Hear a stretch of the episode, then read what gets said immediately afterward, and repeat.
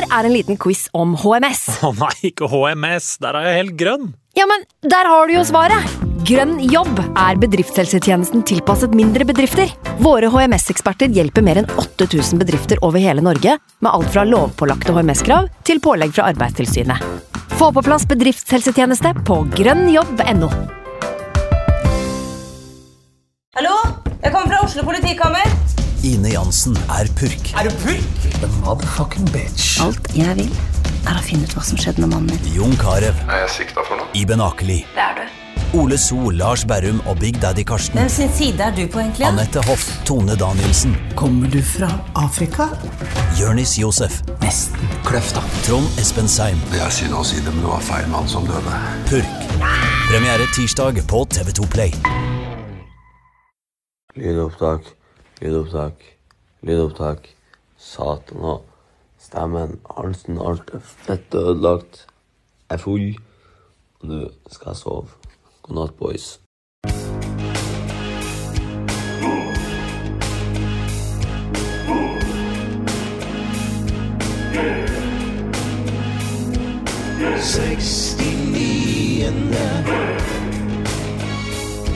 We're the We're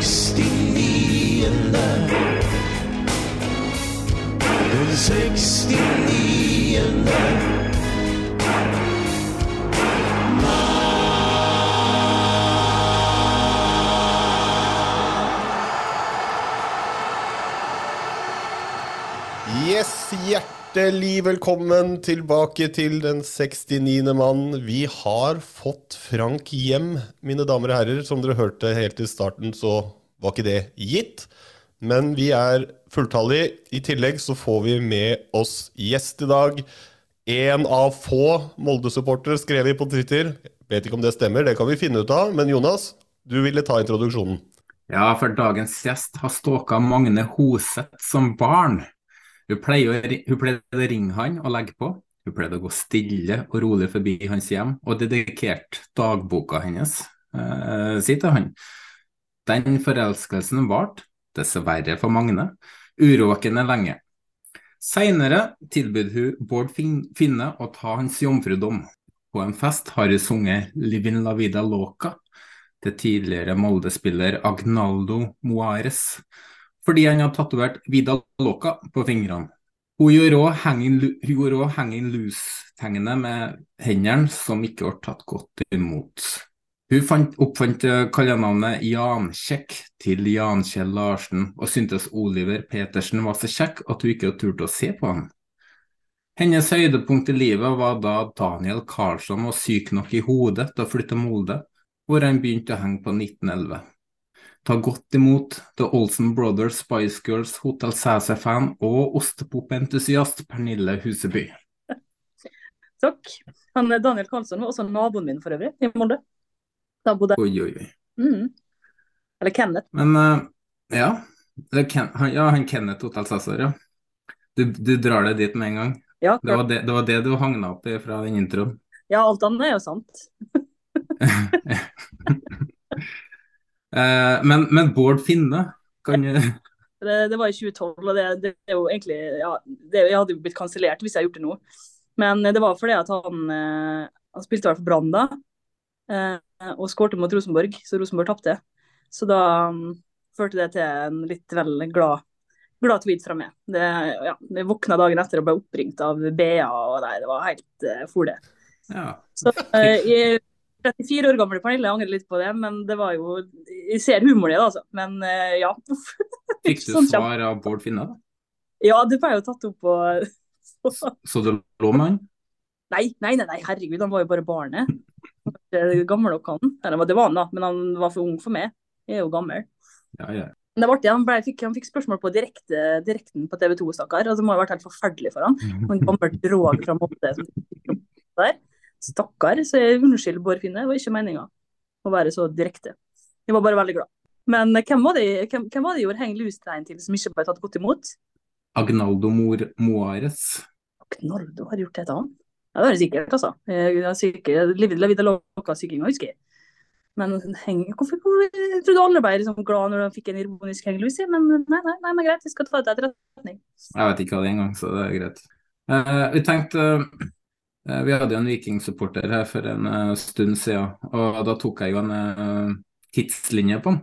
Tenkte jeg skulle gjøre det samme med deg òg, men eh, vi erfarte sist at det tok litt lang tid, så jeg korta inn litt på det, da. Og velger egentlig å ta, ta egentlig det viktigste, da. Eh, 1978 nedrykk. 1982 nedrykk, 1993 nedrykk, 2006 nedrykk og 08 mot Stabæk. Og 25.2.2016 Daniel Berg Hestad la opp. Men eh, vi skal ikke snakke mer om det. Vi må videre. Vi må videre.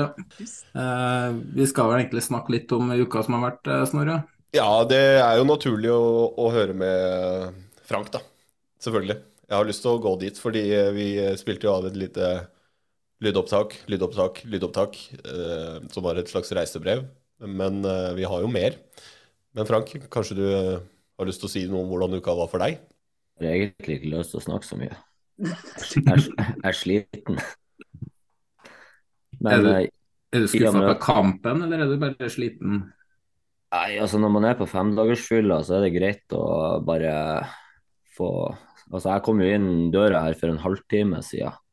Så jeg har jo akkurat kommet hjem fra femdagers reise i Polen og Tyskland med ja, øl og fernet og ja, enda sterkere saker. Så noe er redusert akkurat nå, men eh, dere som har meg på kamera, ser kanskje at jeg drikker vann. Eh, og i og med at det er en eh, Molde-gjest, så velger jeg å eh, kjøre dalsglass for å gni det litt inn. Ja, ja, ja. ja. Ja, det er en veldig spennende uke.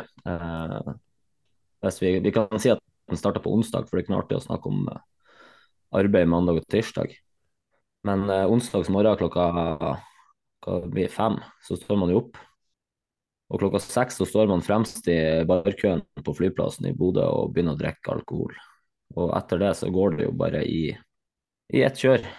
I, på, landa i Poznan i totida, da er man sikkert på en åtte-ti pils allerede, og så kan man jo tenke seg til hvor det bærer deretter. Kan du fortelle oss noe om eh, hvordan det var før kampen, da, når dere var ute, eh, jeg vet ikke hvor mange dere var, 400 stykker mener jeg leste noe om. Hvordan er stemninga i byen eh, på pubene eh, før det nærmer seg kampstart i Polen? Og hjemmefansen har annet møtt dere nå, de, eh, hvordan var stemninga generelt? Nei, vi, vi, vi starta jo De fleste kom jo ned onsdag allerede, så det var jo knallhard festing onsdag. Og som jeg sa i stad, jeg begynte å drikke klokka seks på morgenen på eh, Bodø lufthavn, og ja, klokka tolv på natta så forsvinner bankkortet mitt i en minibank på et bank, bankbygg i Polen, så jeg har jo vært både torsdag og fredag i det jeg kaller for bankmøte. Men, eh, men ja, det har vel gått, eh, gått noen kroner og eh, noen liter alkohol som, som gjør at jeg sannsynligvis slo ny verdensrekord i promille på onsdag. Jeg får kommentere at uh, du ser faen ikke ut akkurat nå.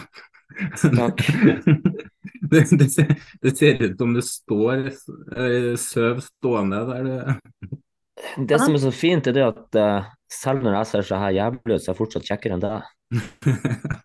Ja, men jeg tenker at du er jævlig ufotogen, ellers så ja, for Jeg tenker ikke at jeg synes ikke du så så jævlig ut i forhold til de bildene jeg har sett på Twitter. Liksom. Jeg synes du ser like ut som du- på de bildene, jeg, altså. Ja, Nå er man jo kommet i, i form, men uh, det er klart uh, det, Mitt siste minne fra onsdagskveld er jo det at jeg står Jeg, jeg er litt eh, for eh, beduggen. Jeg er litt eh, har, Jeg mista litt retningssansen. Egentlig så er jeg 350 meter unna hotellet mitt. Men uh, jeg, har, jeg vet jo ikke hva som er nord, sør, øst og vest. Jeg vet jo ikke hvor jeg har pikken min engang. Så det jeg finner ut av, det er at jeg har ikke noe kontanter igjen. Så jeg spør en, jeg spør en taxi om han kan kjøre meg, og så sier han at han må, må ha kontanter. Så han, han bare kjører meg 50 meter ned gata, og så er det minibank. Minibanken er jo da på innsida, i en sånn mellomgang, da, kan du si. Du kan gå inn der, men du kan ikke gå inn videre, for det er en mellomgang til en bank. Så jeg pakker jo bankkortet i der, skal ta ut eh, 100 polske, eller hva jeg tenkte å ta ut. Det første som skjer, er det kommer opp en error på skjermen, og så står det bare Maskinen har eh, tatt og konfiskert eh, bankkortet. Og jeg er jo ikke så rutinert at jeg tar med to bankkort, så jeg står der jo bare som et jævla spørsmålstegn. Og han taxisjåføren begynner å bannes på polsk for jeg ikke skal betale han. Jeg har jo bare blitt kjørt 50 meter, så han må bare holde kjeft. Men jeg, jeg, jeg blir jo litt sånn skjerpa da når jeg plutselig står i en situasjon der jeg ikke har bankkort lenger. Så jeg klarer jo faktisk å samle meg til å åpne Google Maps og sjekke at faen, hotellet er jo 350 meter unna. Det her må jeg jo må jeg få til å snuble meg hjem på et vis. Men det er jo da kanskje når jeg kommer hjem, da jeg sender et av de lydopptakene dere har masa på meg om. Ja. Jeg, tror, jeg, tror, jeg sender første jo, det, var da, det var dagen før kampen, ja. Ja, og så, ja, jeg våkna jo da i syvtida på morgenen på kampdag. Og mulig jeg sender lydopptak nummer to, da. men da tenkte jeg jeg skulle bare ta og drikke litt vann. Jeg var så jævlig tørst. Jeg kom jo på det at jeg ikke kjøpte inn noe i forkant og satt på hotellrommet. Minibaren der er jo ikke fylt opp, jævla polakkene gjør jo ikke det. Og går på badet og bare ja, ja, prøver å drikke litt vann, og det smaker da jo kloakk og klorin om hverandre. Så jeg tar Jeg vet ikke hvorfor jeg tenker så klart klokka sju om morgenen med den promille jeg fortsatt har, men jeg fyller opp vannkokeren og peiser på, og så heller jeg kokt vann i en hel masse glass som står på hotellrommet, og så legger jeg meg og sover igjen fem timer. Så jeg direkte kokt vann når jeg står opp senere, da. Og så er det jo det at man våkner jo opp etter hvert når man får drukket, og så kommer man på faen, jeg har jo ikke bankkort. Og så er det jo, må jeg bare takke og be alle som faktisk er så reale og ordentlige at man får brukt VIPS og hjelper hverandre sånn da med betalinger og folk som tar ut penger til meg osv. Så, videre. så jeg har jo vært litt sånn eh, landstrykerfylla resten av helga, da. Men eh, kommer meg jo da etter hvert eh, bort til leiligheta søstera mi og venninnene hennes har leid. Får låne hennes bankkort og kjøpe meg noe frokost og noe å hjelpe meg å få formen i gang igjen. Og så jeg vet ikke om det var litt etter to eller noe sånt, så er vi vel på plass på baren. Det er dubliner i Poznan. Tror det åpna to. Og etter det er det bare full fetting på nytt igjen og drikke seg opp til kamp. Og så er det jo seinkamp, da. Den starter klokka ni, så vi, vi drikker jo til klokka er halv åtte der eller noe sånt, og så er det bevege seg til stadion.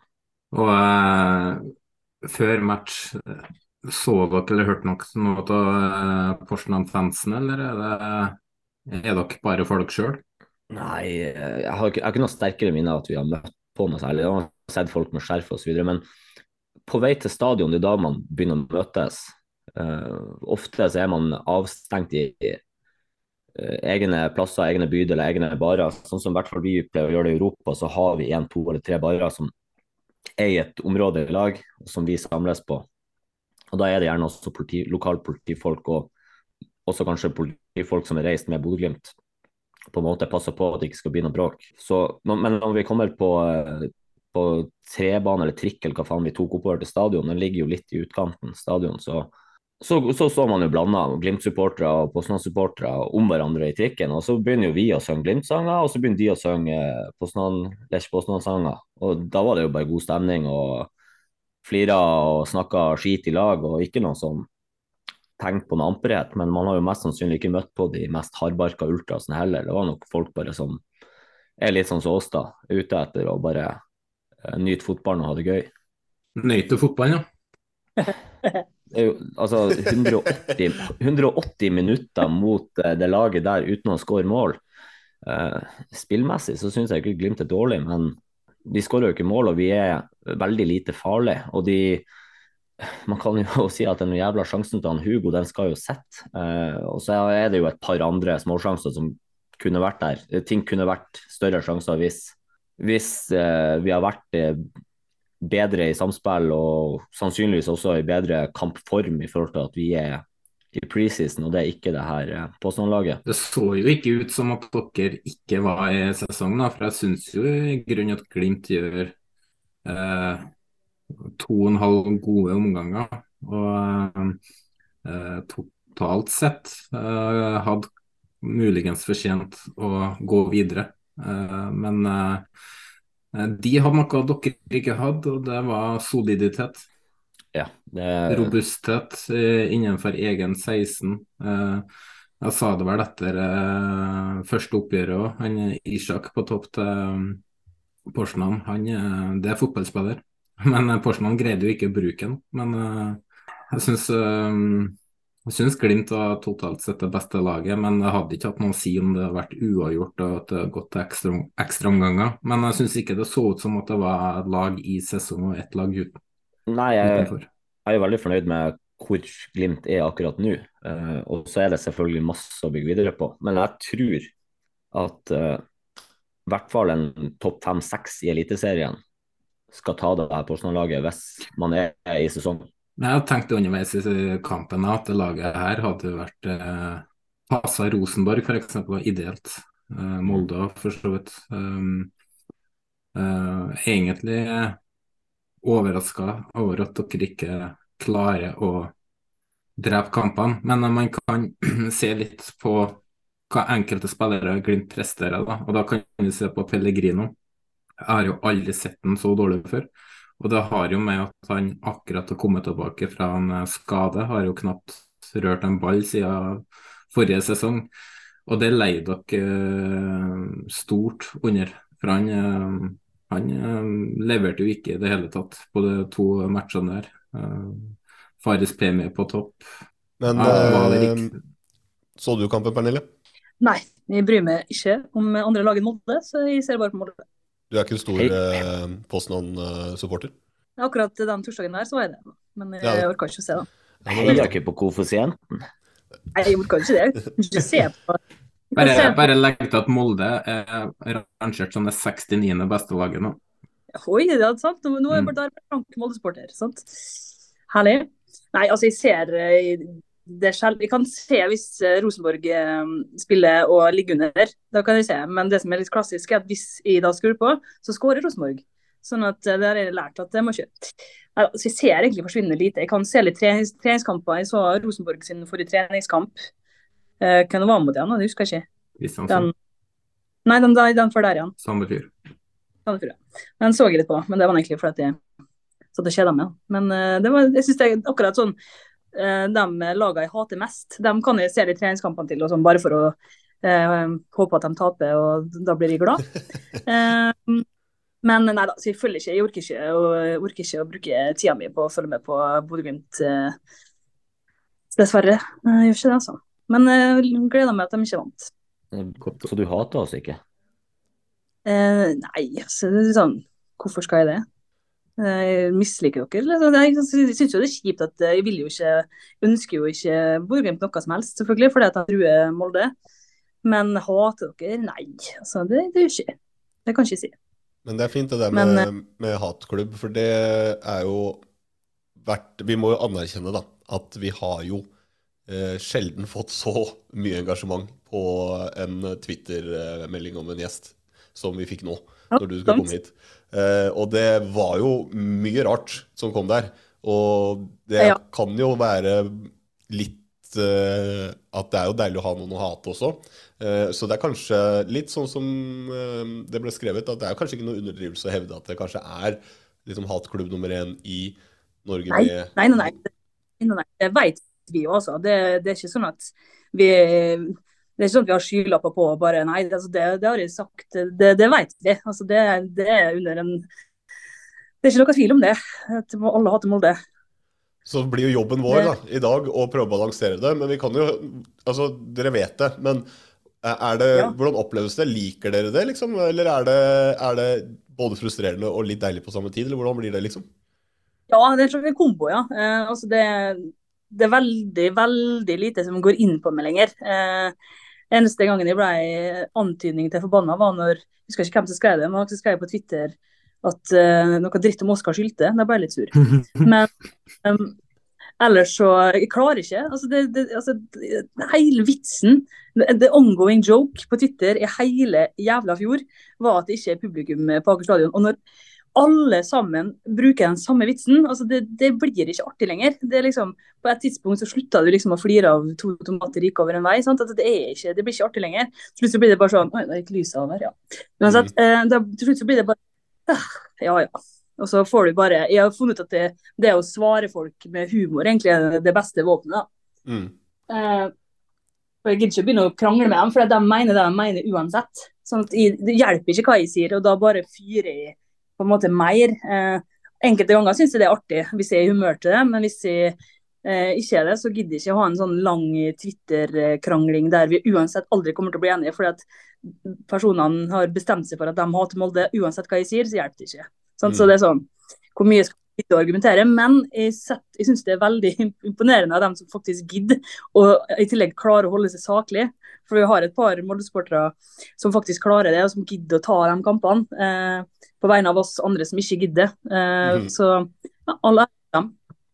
Jeg tror, jeg tror det vi må vi resten av Norge kan prøve å forstå, det er jo det at Molde er ikke en veldig stor by. og de tilskuertallene Molde har, eh, de, hvis du ser på hvor mange prosent av byen som faktisk er på kamp, så er jo ikke det dårlig. Det jeg, det jeg pleier å stusse på, er jo det at det oppgis et tall på å si 5000 tilskuere, og så ser det ut som det er 500. Og så tenker jeg ja. at stadion som proporsjonalitet eh, er den for stor. Kunne man flytta tilskuerne, kunne man fylt opp den sida der det faktisk er kamera mot, så man i hvert fall ser ut som at det er folk der. Mm. Ja, Det har de jo gjort. Det gjorde de vel litt på europakampene våre. Eh, men stadionet er for stor, ja. Den har jo kapasitet til over eh, nesten 11 000. da. Eh, så den er for stor, det er den absolutt. Også, men det er, ikke, altså, det er ikke færre folk på Aker stadion enn det er på andre. Det er ikke oppsiktsvekkende færre enn det er på andre eliteseriearena. Det er bare det at det har festa seg et sånt inntrykk blant folk av at i Molde er det ingen på kamp. Men, men, men har, det, har, det, vært en kraftig nedgang? For jeg minnes, uten å ha sjekka tall på det, at det var bortimot 8000-10 000 tidligere. Sånn som sesongen Solskjær kom tilbake, f.eks. Så minnes jeg i hvert fall et helt annet engasjement. Jeg har det ikke i hodet, men, men, du har nok rett i det at det var det. altså. Men da må du huske at da var det også en litt annen tid. Eh, Molde hadde ikke tatt en eneste tittel, hadde ikke hadde vunnet noen cuper, liksom, men ikke ingen seriemesterskap. Og så skjer, så kommer Solskjær, Molde begynner å vinne. Eh, og så begynner Molde å ikke vinne.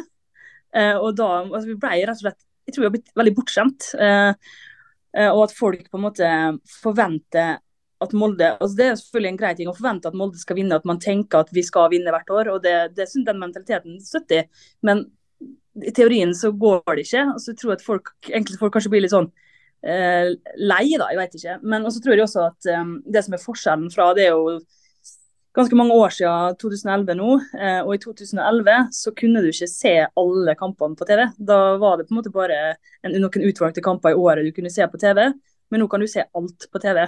Og det tror jeg også har ødelagt litt for publikumsoppmøtet. Altså, det men, tror jeg. Men hvem er det som har falt av? For det var jo det, jeg lurer på, jeg òg. For, forfallet starta jo før korona, så vidt ja, jeg husker. Uh, mm? Men du kan, ikke, nei, du kan ikke bare skylde på korona, det kan du ikke gjøre. Det starta før det.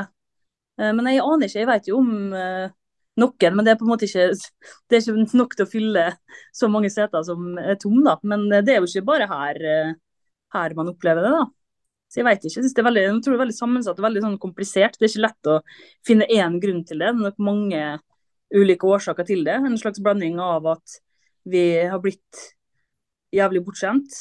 Eh, at vi ikke på en måte kanskje tålte motgang på samme måte som vi gjorde før. Da stort sett det var det vi opplevde, skulle jeg si. Altså, Molde var et, et nesten-lag i veldig mange år. Eh, og så en kombinasjon med TV. og ja, Jeg vet ikke kanskje at dem som, dem som var, på, var, på, kamp, mange av dem i 2011, 2012, 2013, de har kanskje fått unge, små unger. Sant? Det passer ikke lenger. Man kommer seg ikke på kamp. altså Jeg aner ikke, men jeg håper nå Hvis ikke eh, Cupgullet var jo riktignok for 21, da, men hvis ikke cupgull og seriemesterskap og alt det der hjelper, liksom, hva, hva, hva skal vi gjøre da? Mm. Tvinge folk på heller. Jeg tror det handler jo litt Jeg vet ikke hva som er tilfellet i Molde, men uh, det er jo veldig gjenkjennbart med Rosenborg, som òg har hatt veldig stor, ned, stor, nedgang, men som jeg føler i hvert fall at det er en oppgang på vei her nå. At uh, hadde vi fortsatt sånn som vi holdt på for ett og to år siden, så hadde vi ikke hatt snitt på over 10 000 en gang sesongen som var. Men vi bekka målet som var 13, og jeg tror det fort kommer opp i 14 eh, sesonger som kommer, kanskje høyere òg, i snitt. Eh, jeg tror det handler litt om identiteten. At, mm. at uh, befolkninga, supportere, tilskuere, uh, som en kilde på det, føler en tilhørighet til klubben. Jeg tror det er veldig viktig, og kanskje kan det være en uh, nøkkelting i Molde. Og så har det vært Det var veldig mye negativ, negative omtaler i Rosenborg. Uh, mye utenomsportslig støy der uh, folk trakk seg mer og mer vekk fra klubben. Mm. Kåresparkinga f.eks. 4000 forsvant jo. Uh, I Molde kan man kanskje si at det har vært en del støy i tillegg. Kanskje har det gjort at folk har trukket seg mer bort fra klubben? Ja, Det kan også hende. Eh, det, det, er liksom, det, er ikke godt å si. Men jeg tenker at sånn som Molde har framstått nå, så syns jeg synes Molde for Vi også har jo ofte kritisert Molde for å være en veldig lukka klubb. Det syns jo veldig mange av eh, de supporterne eh, og vennene mine også. Og, men der syns jeg at de har blitt bedre. Det er selvfølgelig ikke bra nok enda, syns jeg, da, men de viser på en måte tendenser. og så syns jeg vi har jo Erling Moe som er lokal, og så har vi Ole Erik Stavrum en stund til, da, i hvert fall, eh, som eh, er en veldig jovial fyr. Og dem i tospann, det blir jo liksom ikke mer altså, Jeg syns jeg, da, sjarmerende, dere hater dem sikkert, men eh, for, for, Molde, da, så er de to veldig at de, de gjør Molde litt mer attraktiv og mer åpen, og de er liksom de er ikke redd for å tulle og være seg sjøl. Liksom, nei, jeg synes det er veldig bra. Pluss at Molde også har jo hanka inn en del eh, flere lokale spillere på lengre kontrakter. Og vi har den beste spilleren av dem alle, Magnus Eikrem, er fra Molde. Sånn at jeg tror at akkurat det med tilhørighet der eh, jeg, Men jeg tviler ikke på at moldenserne ikke føler tilhørighet for MFK. Altså. Det, for Molde, det er jo på en måte mye det Molde handler om, er, er MFK. Men jeg vil bare skyte inn én ting fra, før du tar det, Frank. Jeg vil bare skyte inn det. fordi eh, det er, Du nevnte jo selv litt, uh, Pernille, med at hvis ikke cupgull og seriegull, riktignok 21 og 22, men ikke mm. er nok for å dra folk på kamp og engasjere litt, som bare skal til da. Uh, det er jo veldig godt poeng, fordi det er jo nettopp det som har vært med på i stor grad å bidra til en mm. oppblomstring i supportkulturen i Bodø, hvor de opplevde suksess og kan bygge på det. Fordi Hvis man ser på tallene fra før eh, egentlig i løpet av sølvsesongen i, i Bodø, så har det, de har tatt sjumilssteg eh, siden da, med det, og både i antall solgte sesongkort og snitt eh, på kamp osv. Så, videre. så det har jo noe å si å få komme inn i en sånn flytsone. Men hva gjør du da, hvis det liksom ikke trigger? Det er jo en utfordring som kanskje ikke så mange har stått i heller. da. Men det er jo et interessant poeng. Hva gjør man da? Ja, og så vet Vi jo på en måte ikke, vi har jo ikke svaret på det, på det enda. Men øh, jeg blir litt spent nå som på en måte kampene får litt eh, Eller i hvert fall det, det jeg har sett, at de får litt annet tidspunkt og sånn. da. Eh, så jeg er litt spent på hvordan det slår ut. Og så Andre priser. Ja. ja, dyrere å se på TV, da. Det er jo egentlig veldig mm. bra for oss. Men jeg, jeg, skulle, jeg ville tilbake til det her. han, Jonas nevnte noe tall. Jonas nevner ja. 13 000 på Lerkendal. Og så tenker jeg som så at ja, 13 000 på Lerkendal av hvor mange trøndere? Jo, men man, jeg tenker man må se på men, hva man har hatt men, før. Nei, men liksom, Du vil ikke jeg snakke ned noe. Jeg, jeg, vil heller at det skal være mer fokus på å snakke opp tallene som kommer. For det er en god flyt hos mange klubber i Norge i dag. Så hvis man klarer å rette fokus mot at det er positivt at folk drar på kamp, at det er 13 000 på Lerkendal nå, det er mye bedre enn at det var 10 000 at det er Nå er vi 5000-6000 på Aspmyra, det er mye bedre enn at det var 2000. Eh, vi, vi som sitter i større byer, og nå er ikke Bodø en stor by, men de som sitter i Oslo, Trondheim, Stavanger, Bergen og sitter og snakker ned Molde sine tall hele tida, når Molde egentlig er den klubben i Norge som leverer sterkest i forhold til hvor mange innbyggere det er i området rundt heller ha fokus på det å få folk på kamp. og Da gjelder det å tenke på alle stadioner i Norge. Jeg vil ha fulle stadioner over hele Norge. Men hvor gøy er det, da? Jeg tenker jo, eh, Det er jo gøy å være litt usaklig òg. Altså sånn, eh, man fyrer jo i alle retninger. Jeg, jeg er jo, jo, jo. ikke i den delen av det gamet her for å bare kose, stryke hverandre på ryggen. Så hvis jeg får litt usakligheter i retning Vålerenga, så er, er ikke jeg vond å be. sant? Jeg, jeg, har lyst til å være med på den karusellen, jeg også. Så, men jeg skjønner hva du mener. Men det er jo, det er jo litt sånn forsvars, eh, eh, Man forsvarer seg litt, man går litt i forsvarsmodus. Og så eh, hakker man litt eh, her, og så har det vært litt sånn lavthengende frukt. da. Eh, kanskje pga. noen TV-bilder eller osv. osv. Da, Ja. da hiver folk seg på den karusellen. Og, og jeg har vært på den karusellen, uten tvil, men det er jo kjedelig å høre at man er i- på den mindre kreative delen av karusellen. da. Det er jo bra for dere Molde-supportere. Det må Altså, Benter er jo helt nydelig, men dere er jo igjen på Intility, den klubben i Norge som er, har lavest snitt. da. Ja, men Vi kan godt diskutere det her, men Oslo skiller seg ut fra alle andre byer på det. Så Den diskusjonen kan vi godt ta en annen gang. For det, eh, Jeg er helt enig i at det burde være flere på Intility, men vi er ikke hele eh, Oslos fotballag. Det har jeg aldri ment å være. Så vi kan ta den diskusjonen en annen gang. Men eh, enig i at det burde være flere. Ja, også den eneste hovedstaden som ikke har en toppklubb. Og nå koste jeg meg mer enn jeg trodde jeg skulle gjøre, altså. Uh, Det, det sklir litt ut nå. Det var Pernille som skulle få det, ikke vi. ja, ja. Nei, men uh, poenget mitt for å ta det tilbake, egentlig, dette med hatklubb Uh, Vi spora litt av, det er bra, men vi må spore inn igjen. Og eh, forstår du da, som Molde-supporter, at dere blir en sånn hele Norges hatklubb nummer én? Er det forståelig, eller syns du det bare blir litt sånn usaklig dumt? Det var først Altså, etter Sarr-saken forsto jeg det. Mm. Før så syntes jeg det var artig, for da var det jo pga. Røkke og penger og plastikk. var, det, var det mye fra andre fans enn Rosenborg før uh, Sarr? Eh, ikke så Altså, det var det, var det men ikke, ikke på det nivået, nei. Eh, da ble det på en måte alle. Da ble det alle. Og jeg forstår det. Altså, jeg hadde jo helt Hadde vært eh, en annen klubb, så hadde jeg jo vært med Hadde jeg jo vært kritisk sjøl, liksom. Vi er jo kritiske til Molde, vi også. Eh, Molde-supporterne, altså. Eller i hvert fall dem jeg kjenner. Skal ikke snakke for alle, men jeg kan snakke for dem jeg, dem jeg kjenner. Sånn at eh, selvfølgelig. Eh, men eh, det er Og jeg syns all kritikk, all konstruktiv, eller ikke konstruktiv, men all hva jeg skal si, altså all legitim kritikk syns jeg er helt uh, innafor. men når folk eh, begynner å skal lage humor for å få likes ut av eh, en voldtektssak, eh, som eh, flere har gjort på Twitter, så eh, tenker jeg at da, da kan man kanskje gå litt i seg sjøl. Men ellers så at folk kritiserer hvordan Molde håndterte saken, at de kritiserer ja, utfallet, hvordan det ble, det, det skjønner jeg. Og det gjør, det gjør vi òg. Det gjør vi, det gjør vi sjøl òg. Jeg har jo tenkt som så da, at uh, det som har vært fint med å ha med deg i kveld, da, var at vi faktisk kunne snakke litt ut om akkurat den saken her. Det skal vi gjøre etter hvert.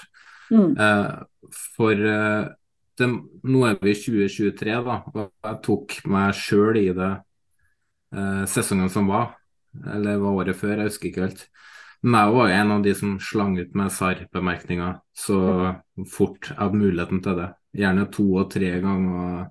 Det handla jo kun om å Det handla litt om at jeg rett og slett misliker sterkt hvordan saken ble løst. Men så handla det jo om for min sin del å tråkke tråkk dere der det stakk. Uh, ikke sant?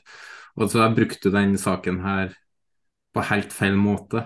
For det er jo noen personer oppi her som er påvirka. så jeg tok meg sjøl i det at uh, nå må jeg faen meg ta meg sammen, liksom. Men jeg håper at flere kan gjøre det samme, for uh, det begynner å bli noen år siden. Eh, I hvert fall ikke angripe Molde sine supportere for noe Nei, som er håndtert eh, litt eh, Vi kan heller si uheldig av en agent og kanskje noen representanter i klubben. Så ikke angrip Molde sine supportere for det som egentlig er en stygg sak.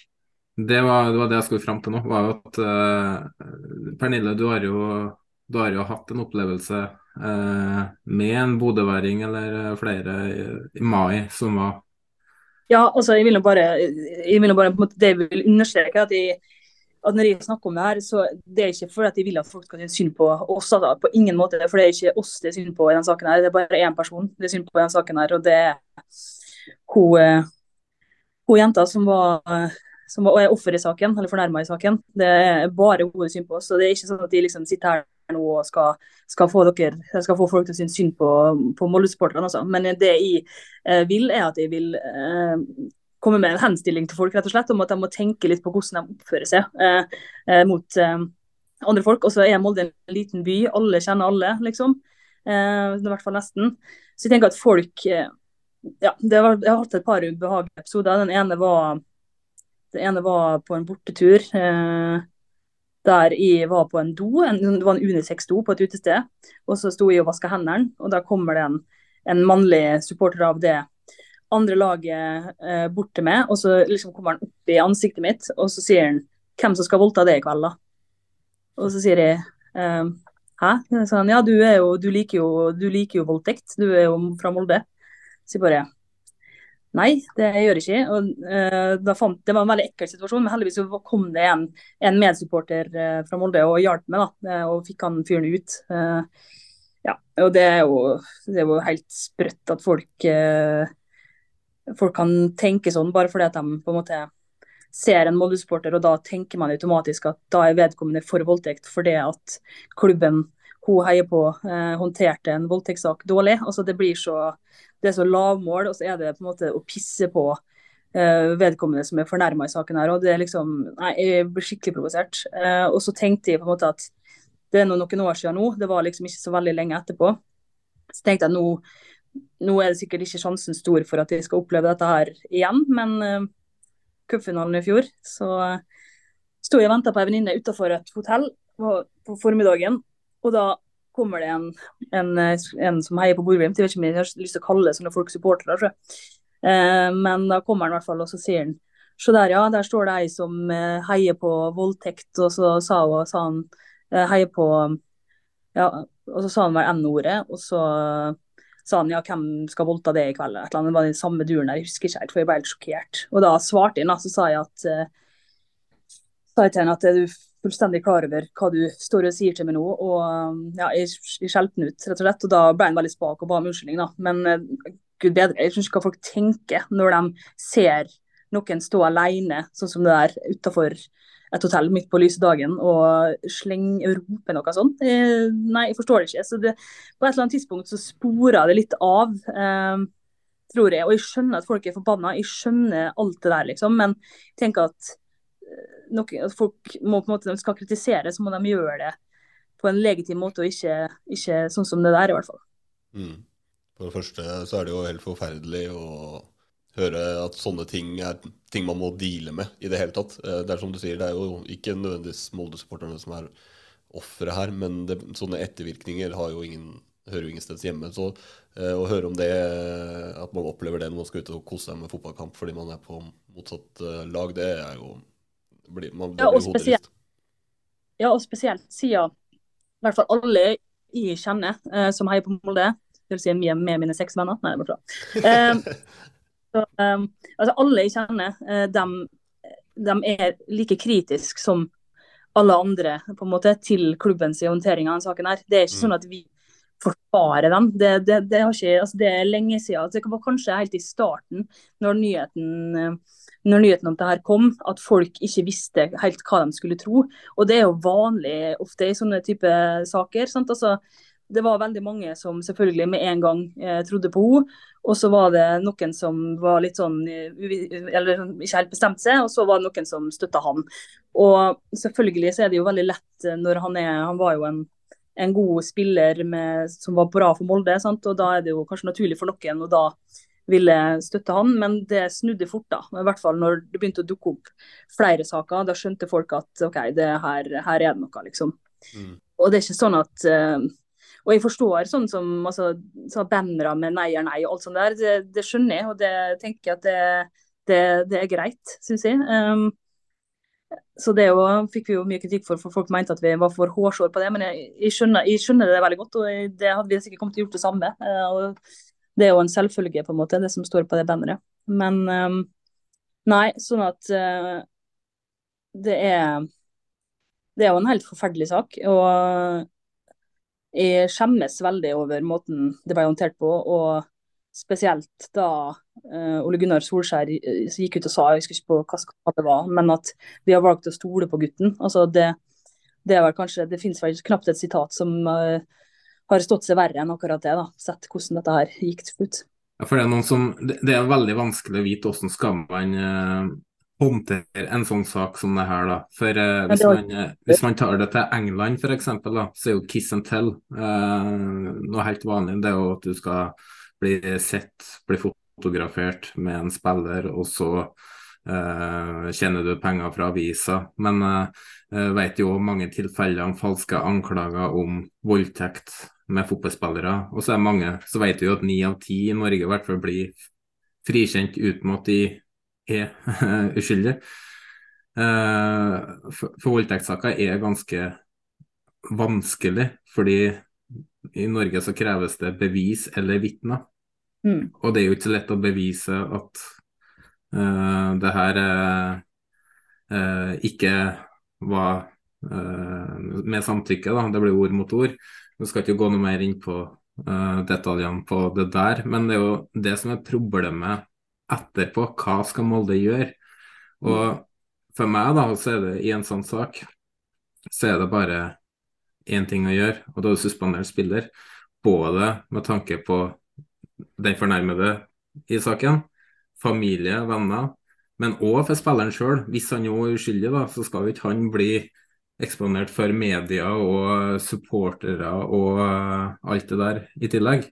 Ikke at jeg har noen medfølelse i saken her, men i en generell sak der en spiller kan bli feilaktig anklaget, så er det jo merkelig å sende den ut på en uh, fotballkamp, uh, fotballstadion med Jeg husker, jeg aner ikke hvorfor, men jeg husker det var noen saker om at det var noe, noe med lov, arbeidsmiljøloven eller et eller annet. Jeg husker ikke helt, men jeg, er jo, det er jo selvfølgelig det som burde vært gjort. Jeg husker jo vi var Men, men er, det, er, det, er det, det er jo ikke sånn at det er det som er dumt at de argumenterer for arbeidsmiljøloven. For Ja. eh, en fotballtropp er jo 22 til 26 mann. Det er jo Jeg ikke Hæ? Jeg vet ikke om det var MFK eller om det på en måte var at vi, om man lagde sak om det i avisa. Jeg husker ikke skjønner om hvordan det var. Det en Jeg har sett, jeg har sett supportere argumentert for det. Ok. Og det er det som er dumt, for du har en tropp på kanskje 26 mann, og så teller med eh, dyktige juniorspillere.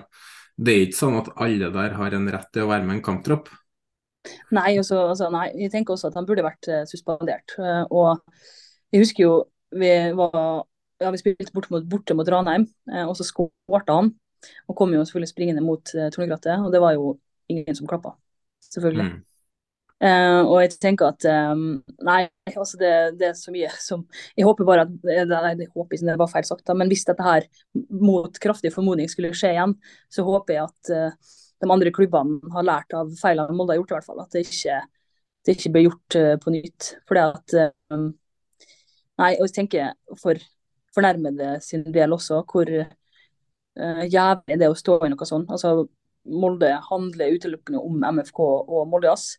Og tro meg, du får kjenne det når du på en måte um, kommer Altså når du når du skulle si, legger det ut, men det blir feil ord, jeg klarer ikke å finne rett ord, men når, når du legger det ut med byens eh, stolthet, da. Altså det, har, eh, det er full av beundring for at hun har klart å komme seg gjennom det her på den måten hun har gjort, altså. Fordi det, det er jævlig tøft. Og når det blir sånn som det blir, og at han um, kommer seg vekk herfra og ikke møte opp til, til ankesaken også, det må være så utrolig vanskelig å aldri på en måte få noe avslutning på det. Eh, og så er jo Sara på en måte, han ble jo, han ble jo frikjent i retten, eh, men det var jo det var vel eh, sånn at han ble frikjent pga. at meddommerne ikke var helt sikre. Og så var fagdommeren mente vel at han skulle dømmes, men eh, Han ble dømt til erstatning blir- på et par hundre tusen der. Og det er jo standard er i voldtektssaker at eh, er man usikker ja, man kan ikke utelukke det. Mm. sant? Eh, og så tenker jeg at hun får liksom aldri den, den avslutninga på det som er et jævla mareritt. da. Eh, og selv om Sari jo har sagt at han skal komme tilbake, men eh, hvorfor gjør han ikke det, da? Eh, kan man lure på. Men eh, Det er jo Nei. det bli et slags mareritt for, eh, for flere. da. Som, altså, en ting er at det ville vært en mareritt for eh, den fornærmede uansett, hvordan man vrir og vender på det. Men uh, det blir jo en sånn evigvarende verkebyll, fordi det blir jo aldri satt en strek. Og det gjelder jo selvfølgelig fornærmede, men det gjelder jo da også sikkert eh, de som er glad i Molde. Fordi det hele tida, som du sier, minnes på det, eller du eller andre opplever å måtte Mm. i gåsehudene stå til ansvar for Mm. en eh, håndtering av klubben. Da. Eh, så det, det er noe med, noe med det at man får aldri satt en strek. Men jeg, jeg tenkte jo litt på det var jo Vi skal ikke snakke så mye om, om liksom hendelsesforløpet med hvordan han forsvant og sånn. Det er én ting. Men eh, vi skal ta det litt videre, tenkte jeg. Og det er jo nettopp det at det var jo en, en viss agent da, som har vært involvert her i, med, denne, med, denne, spilleren. Men dette er jo også en agent som Krimim. Vi kan Hæ? si da. Krimim. Ja.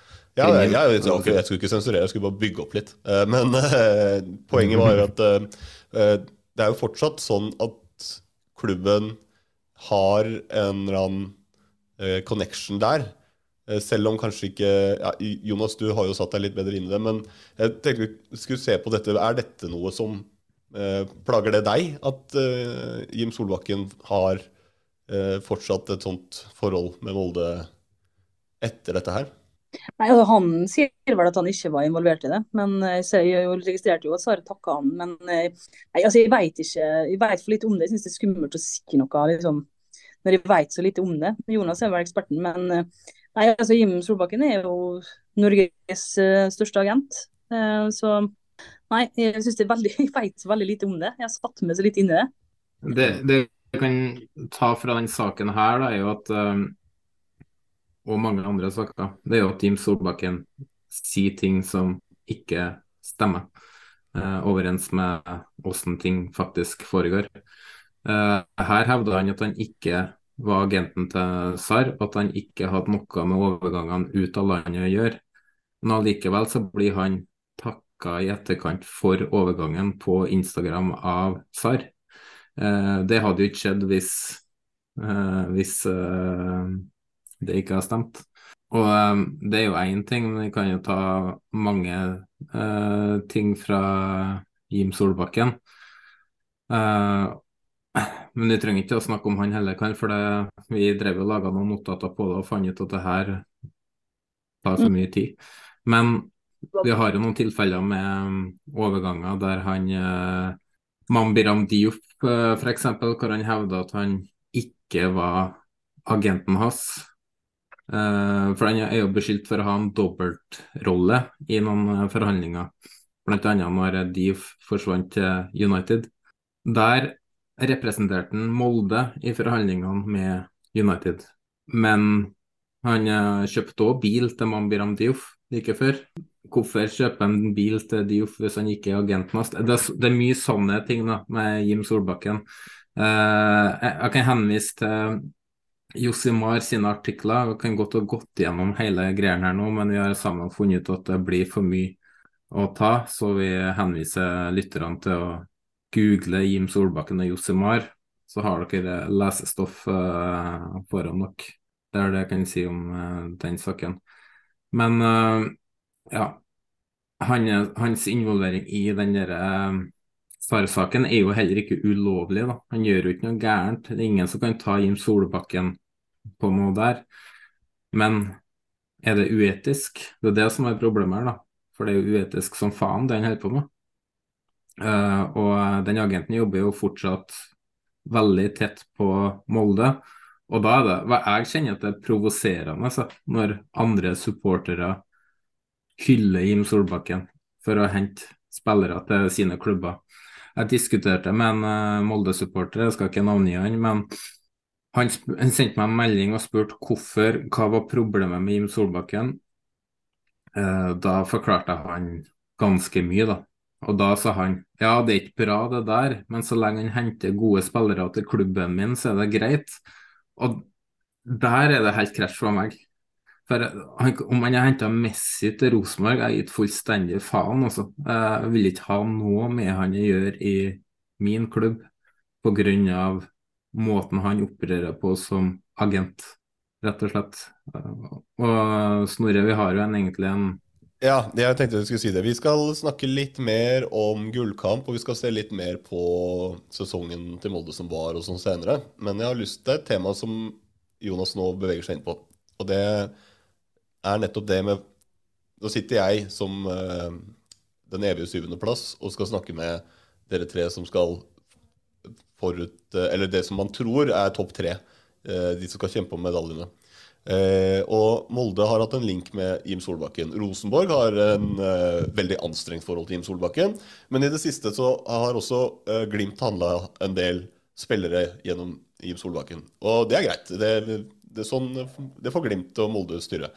Men jeg fikk meg til å tenke gjennom en eh, sak som dukka opp hvor Studio Glimt eh, i Avisa Nordland diskuterte dette med at Eller det var en kommentar på at egentlig burde man hylle Jim Solbakken for det man har gjort for Glimt fortsatt. Det er en grei påstand, det. Det må man få lov å stå for. Men da fikk jeg til å stille spørsmålet liksom, Hvor går grensa? Er det liksom suksess for enhver pris? Eller hvor setter man strek med kontroversielle figurer? da? Eh, er det eierskap, eh, eller er det agentene? Hvor går den grensa? Så det hadde jeg lyst til å ta en liten runde på. Uh, og det inviterer dere alle, fordi dere har gjerne kanskje litt forskjellige tanker. Men det er jo interessant å høre, fordi personlig har ikke jeg handla så mye med Jim Solbakken eller hatt så veldig mye snuskete hva skal vi si, eiere i klubben. Eller kan jo diskutere det òg, men, men hvor går grensa? Det er det jeg lurer på. Hva, hva aksepterer man så lenge det blir sportslig suksess ut av det i andre enden? Jeg kan jo starte med, for jeg har hørt denne episoden til Studio Glimt. Jeg må jo bare på en måte innse det at han Jim Solbakken han er en av, en av Norges største agenter og har uh, mange spillere på blokka si. Og så er ikke det sagt at uh, uh, jeg ønsker at hans spillere skal signere for Glimt eller noe sånt. Um, og sånn som når han Hugo Vetlesen gikk fra det forrige agentfirmaet sitt til Jim Solbakken sitt, så sa vi jo ifra at det her var noe ikke vi liker, men det går fortsatt Eh, dessverre, sånn, det er sånn fotballverden dessverre fungerer. og vi, vi, kan si ifra, men det er fortsatt naturen til fotballspillere å tenke på seg sjøl først og fremst fordi at de har en kort livssyklus på det som er karrieren deres. De vil tjene penger osv. Og, så og så syns jeg igjen Hugo Vetlesen kontra, eh, kontra Sæter kan settes opp mot hverandre. Sæter har jo også fått eh, Jim Solbakkens agent, og Rosenborg-sporterne har jo sagt ifra i mye større klartekster Eh, og vært eh, ekstremt negativ til det her. Og Det er deres fulle rett, og det forstår jeg godt. og Hadde jeg vært en som kunne stå i et så stort brølekor, så har jeg sikkert sagt like klart ifra sjøl også. Samtidig så er jo utfallet av de to spillernes beslutninger nå tidlig 2023 totalt annerledes. Hugo Vetlesen har valgt å forlenge kontrakten sin med Bodø-Glimt, som igjen gir oss muligheten til å selge han for en stor sum senere. Uh, Sæter har da nå uttalt at han er ferdig i Rosenborg etter i år. Han, og ja, jeg, vet, jeg, jeg, skal ikke gå inn på Sæter i detalj, for der har jeg for lite info. Men, men kan jeg følge opp der, da, på det resonnementet? Er ikke det litt litt sånn typisk Jim Solbakken kanskje taktikk? Fordi han har jo et, eller Rosenborg-supportere har jo et anstrengt forhold til han. Rosenborg har et anstrengt forhold til han. Han ser jo ikke seg tjent med noe annet enn å tjene penger på Ole Sæter. Kanskje er det den store sign-on-finen i neste klubb. Men han har jo også sett seg tjent på et forhold med Bodø-Glimt. Fordi han får mye spillere dit som får mye gode lønningsposer om dagen. Så i nuet så vil jo han være tjent med å, å ha Bodø-Glimt på godsida. Ikke at det nødvendigvis er gitt for alltid, men liksom, det er nettopp det. Hvor, hvor, skal man, uh, hvor, hvor skal man sette den grensa? Fordi kunne, hvis han hadde vært dømt for noe, men fortsatt fikk lov til å operere, ville man fortsatt signert, eller skulle man sagt nei, som klubb så handler vi ikke spillere av han? Hadde det vært signal til andre spillere? Jeg bare lurer hva folk tenker om det. Det hadde jo vært et signal motsatt vei òg, Hvis en spiller vil bort, så bare bytte han til Jim Solbakken. For da klubben vil jo ikke ha spillere som har han som agent. Eh, men eh, som du sier, Frank, så sier jo Rosenborg-fans ganske klart ifra det er viktig at dere fortsetter å gjøre det. Ja, dere fikk ikke endra på noen beslutning til Vetlesen, men er, jeg mener det er viktig å vise et klart standpunkt her. da. Nå er det ikke sånn at dere trenger å tenne på drakten til Vetlesen, men gjerne la han vite hva dere mener. Uh, ikke uten å, uten å, gjøre som enkelte Rosenborg-supportere har gjort mot Sæter, men det er lov å si ifra hva man mener om Jim Solbakken. For jeg mener at man skal tørre å si fra om alt som man syns er gærent med fotball. Jeg har ikke noe imot agenter, og jeg mener ikke at agenter er ødeleggende for fotballen. Jeg mener at agenter er helt nødvendig pga. Uh, spillere har ikke muligheten til å håndtere alt som kommer inn av interesser fra andre klubber. Men måten agentene får lov til å operere på, det er ødeleggende for fotball. Det, det, det, er jeg helt enig i, for jeg mener at det her uh, agentsirkuset har gått for langt. Jeg mener at det burde finnes et tak på hva en agent kan, kan tjene på ett salg. Og da tenker jeg ikke på en prosentsats, jeg tenker på en, en makssum. Null! Null kroner! Du skal tjene null på salg. Jeg mener, jo, men, agent, men, agent, agenten er ansatt av spilleren. Da får jo, spilleren betale agenten, da. Hvorfor skal, klubba, hvorfor skal klubba betale eh, agenten som er ansatt av en spiller? Jo, det skjønner ikke jeg. Det er der jeg også, du avbrøt meg før jeg fikk sagt det, men det er det jeg òg tenker at agenten skulle vært lønna ut ifra sign-on-fien spilleren får, at han får heller en gitt sum der, som også er satt et tak på. For at agenter i dag, de, altså er du, er du verdensstjerne, så signerer du for uh, agentfirmaet til Raiola. Mm. Uh, og er du, er du er, Ja, men agentfirmaet lever jo fortsatt videre. Uh, er du spiller med ambisjon, store ambisjoner i Norge, så signerer du for Atta eller for Jim eller for Ja, det blir liksom noen få store som tar de største. Uh, ellers så er det som Alojoni og har en dust i Sverige, men Men, men er dette liksom bare agentene, at de opererer innenfor et lovlig rammeverk, eller liksom, er, har man ikke noe ansvar hos klubbene lenger da, eller hvordan? Det, det, er, det, er veld, det, er, veldig lite restriksjoner på agenter i forhold til Det er mye gråsoner da, i fotballen. Uh, det, er jo, det, er jo, sånn at uh, Rosenborg kan ikke ringe og snakke med en spiller de har lyst på uten å ha godkjennelse fra klubben. Men jeg ringer da og snakker med agentene. ikke mm. sant? Det er mye sånn at, sånn at uh, hvis en spiller ikke signerer en ny kontrakt, så vet han jo allerede han at Sånn som uh, Ola Solbakken f.eks. Når han bestemte seg for ikke å signere det første kontraktstilbudet fra Glimt, er visste sikkert garantert allerede da at det er tilbud fra uh, klubber i utlandet, for det har han hørt av agenten sin. Selv om jeg kan bekrefte, jeg kan bekrefte at det finnes gråsonesaker i eh, Ola Solbakken-overgangen som sannsynligvis Nå har ikke jeg all infoen der, men hvis det har kommet frem, så vil det kunne blåse opp til større saker, ja. Mm. Men uh, jeg vil tilbake til, til det jeg egentlig eh, diskuterer. For agenter er én ting av fotballverden. Pernille, dere har jo en, en Jeg, jeg vet ikke for, for egentlig eiermodellen i Molde, hvordan den er. Jeg må innrømme at den har jeg ikke studert, men Røkke er i hvert fall en som har spytta en del kroner inn i, i Molde fotball. Ja. Ja, men da, det jeg lurer litt på det kan du sikkert forklare litt om hvordan den modellen er. Men én ting er jo agenter, men en annen ting er jo eiere. Rosenborg er eh, medlemsstyrt klubb. Andre klubber har litt andre modeller. Du har andre, forskjellige løsninger i forskjellige ligaer. Eh, men hvor går grensa f.eks. på en eier? da? Er det sånn at uh, grensa går ved eh, menneskerettighetsbrudd, eller kan den gå tidligere?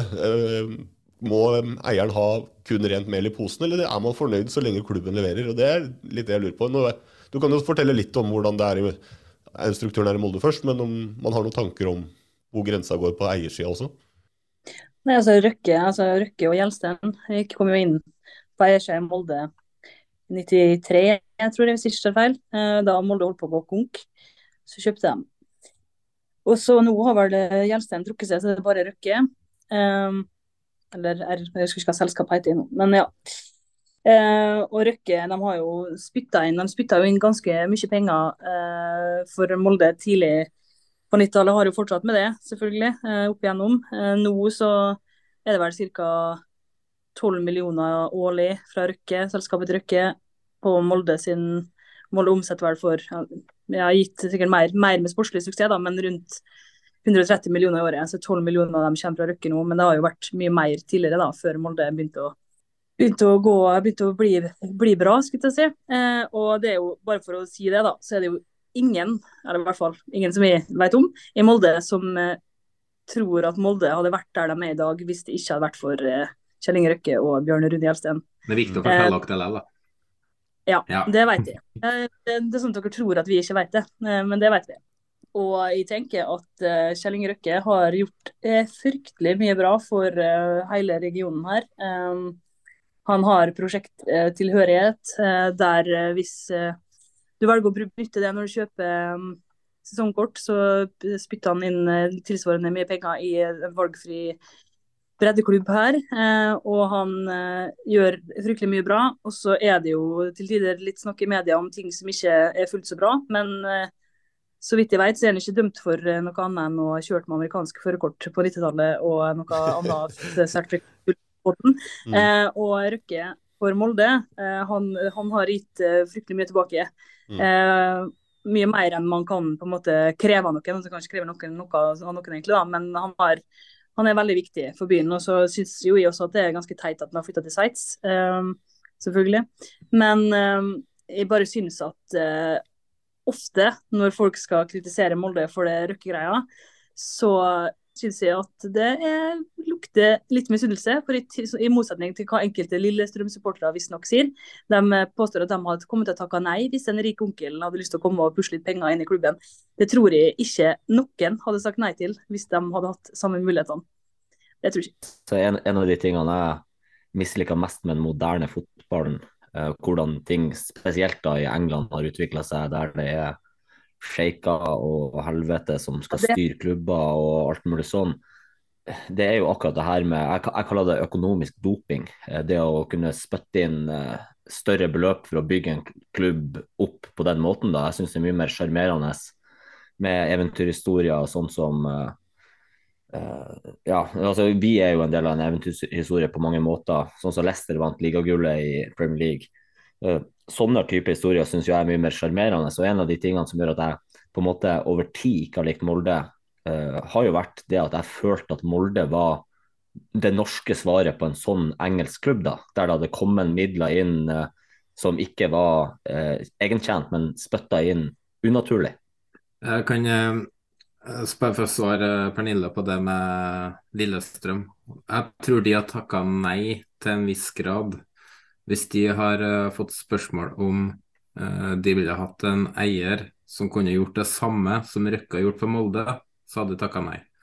Men hvis klubben sliter, så hadde de selvfølgelig takka ja til en eier. Eller ikke ja, det... eier, men uh, investor som, for å holde klubben flytende. Det er to forskjellige ting. For Sandefjord blant annet, det er sikkert ingen som vet heller, for ingen bryr seg. Men de har jo en eier som holder klubben flytende, som gjør at eh, det, ikke sant? Og akkurat nå så holder jo Røkke Molde flytende, han gjør ikke engang. Du trenger sikkert ikke 12 millioner engang. Men måten Molde har bygd seg til suksess, da, det er den som folk reagerer på. og Det har nok ikke noe med misunnelse Hadde du ikke trengt å gå så bra heller. Altså, det tok jo ganske mange år fra de kom inn til det faktisk begynte å gå så bra. da. Men jeg, bare, jeg, blir så, jeg bare blir så jævlig lei av det. Jeg skjønner, jeg skjønner det, men jeg, åh, Kanskje folk liksom Men er, Blir du lei da av at folk spør, eller eh, henger seg opp i at det er liksom, han har spytta mye penger inn, eller er det det at det er Røkke? Som du får høre om og om igjen, at det er Røkke. Er det det som irriterer deg mest? Ja, nei, egentlig begge deler. Altså, så, altså, jeg er bare glad for at klubben min ikke gikk konkurs i 1993. Uh, og jeg tenker at uh, sånn er det. Altså, get over it, liksom. Sånn er det i Molde. Uh, finn noe nytt. Nå har folk holdt på å tøte om det her siden 90-tallet. Det er liksom åh, ja, sånn er det. Og Lillestrøm kaller oss plastikk. og jeg, jeg, prøvde å svare en litt morsomt på en som kalte oss plastikk i den Twitter-tråden i går. Og så skrev jeg nei, de er ekte, skrev jeg, men han tok den ikke. Ja, den så jeg. Men vi kan jo også skyte inn uh, altså det, er, det er jo unaturlig for meg hvordan pengene har bygd opp klubben, men Molde i dag drives jo jævlig godt. Og de har jo vært uh, Norges dyktigste på rekruttering og uh, i hvert fall av unge spillere og produsere i lang, lang tid. Så de har på en måte fått ei hjelp til å komme dit, men nå drives jo Molde ja, utrolig sunt og utrolig godt. Og nå de som er der i dag, de må jo bare få all honnør for at de faktisk driver en jævlig god klubb. Mm. Jeg synes det er imponerende også at, er, at, vi har eh, nå i det siste fått, så mange, fått fram så mange lokale talent. Uh, og de er liksom virkelig dritgode i tillegg. Liksom. Det er helt uh, fantastisk. Uh, for det er noe med det, altså. Du ser, og det er jo den Det har jo Molde mulighet til pga. pengene vi har. Sant? Altså, vi slipper å handle inn og stresshandle inn eh, spillere fra utlandet, som til slutt gjør at sånt, det er ikke en, knapt en lokal spiller igjen. Eh, og nei, Det er kjempeviktig for, for alt, egentlig. og Så har du Magnus Eikrem som liksom nå er jo på en måte liksom stammen i, i laget, har jo kommet hjem og virkelig befesta sin rolle som kaptein. Det var veldig, for, så vidt veldig artig når det var korona og det ikke var publikum. og Det mener jo folk at det ikke er uansett, da. men eh, når det Ja, virkelig det merker ikke forskjell, det. Nei, gjør ikke det. Og da det var så stadion at du da, at du da kunne høre hva spillerne sa. For Magnus han er jo en eh, hissig propp. Og det, det var ganske mange artige sånne raseriutbrudd fra han, så det savner jeg litt litt på å se høre på nå, altså. Men eh, nei da. Nei, jeg blir bare sånn jeg, Det er noe med at når ting går på repeat gang etter gang etter gang, etter gang, så blir det til slutt bare sånn ja, sant. Vi vet det. Vi vet det alle sammen. Eh, og vi er selvfølgelig så, Vi er takknemlige for alt, eller i hvert fall jeg, eh, for alt han har gjort for eh, klubben min. Eh, jeg har vært Molde-supporter siden jeg var siden jeg, jeg kan ikke huske hvor lenge, liksom. Eh, eh, og jeg har sittet tenkt på at jeg fikk jo dessverre aldri oppleve Gamlestadion. Den ligger litt lenger oppe i byen enn det Aker stadion gjør nå. Men eh, den har den åpna i i 98, og den, den er- begynner å bli ganske gammel, men herregud for et byggverk. og Dere kan sikkert si dere, dere er sikkert uenige, men det er jo, det er jo Norges eh, vakreste stadion og beliggenhet. Det det, altså. Veldig fin beliggenhet, fin stadion, men jeg er litt mer fan av vi snakket om det sist, litt mer fan av åpne hjørner av tradisjonell eh, stadion. Det er jo ikke ut som det er bygd ferdig.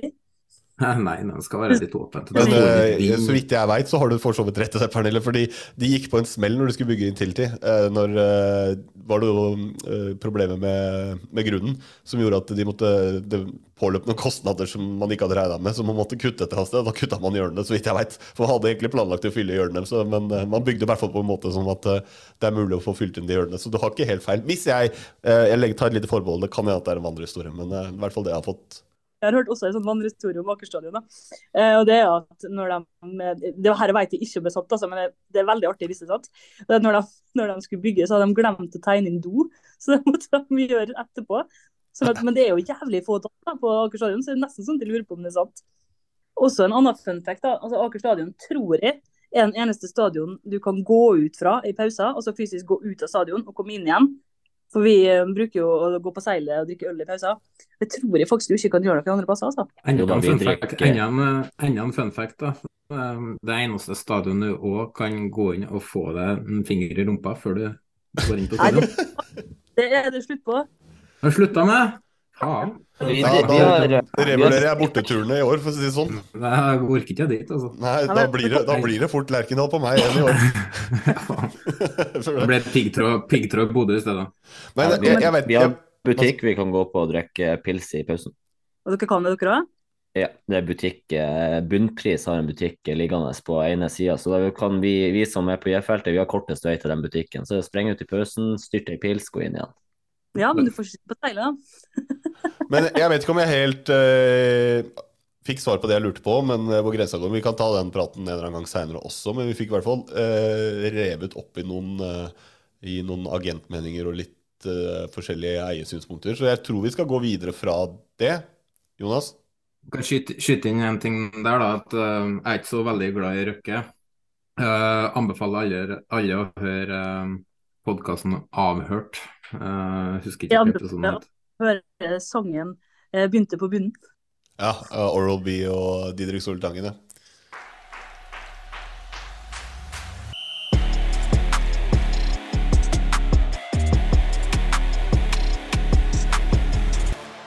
Eh, Vi kan eh, fortsette. Vi snakka jo litt om eh, talentene i Molde. Molde er jo god på en del ting òg. Spesielt forvaltning av talenter er det jo eh, De har definitivt vært best i klassen eh, på det. Eh, imponerende scouting eh, rundt det å hente og identifisere norske talenter. eh, få de inn på laget. Ikke nødvendigvis med én gang, men noen noen går rett inn, noen får litt tid, og så eh, blir de veldig gode spillere. Og så blir de solgt til gode klubber i utlandet for gode penger. Og i motsetning til Glimt sine spillere, så lykkes de i tillegg, da.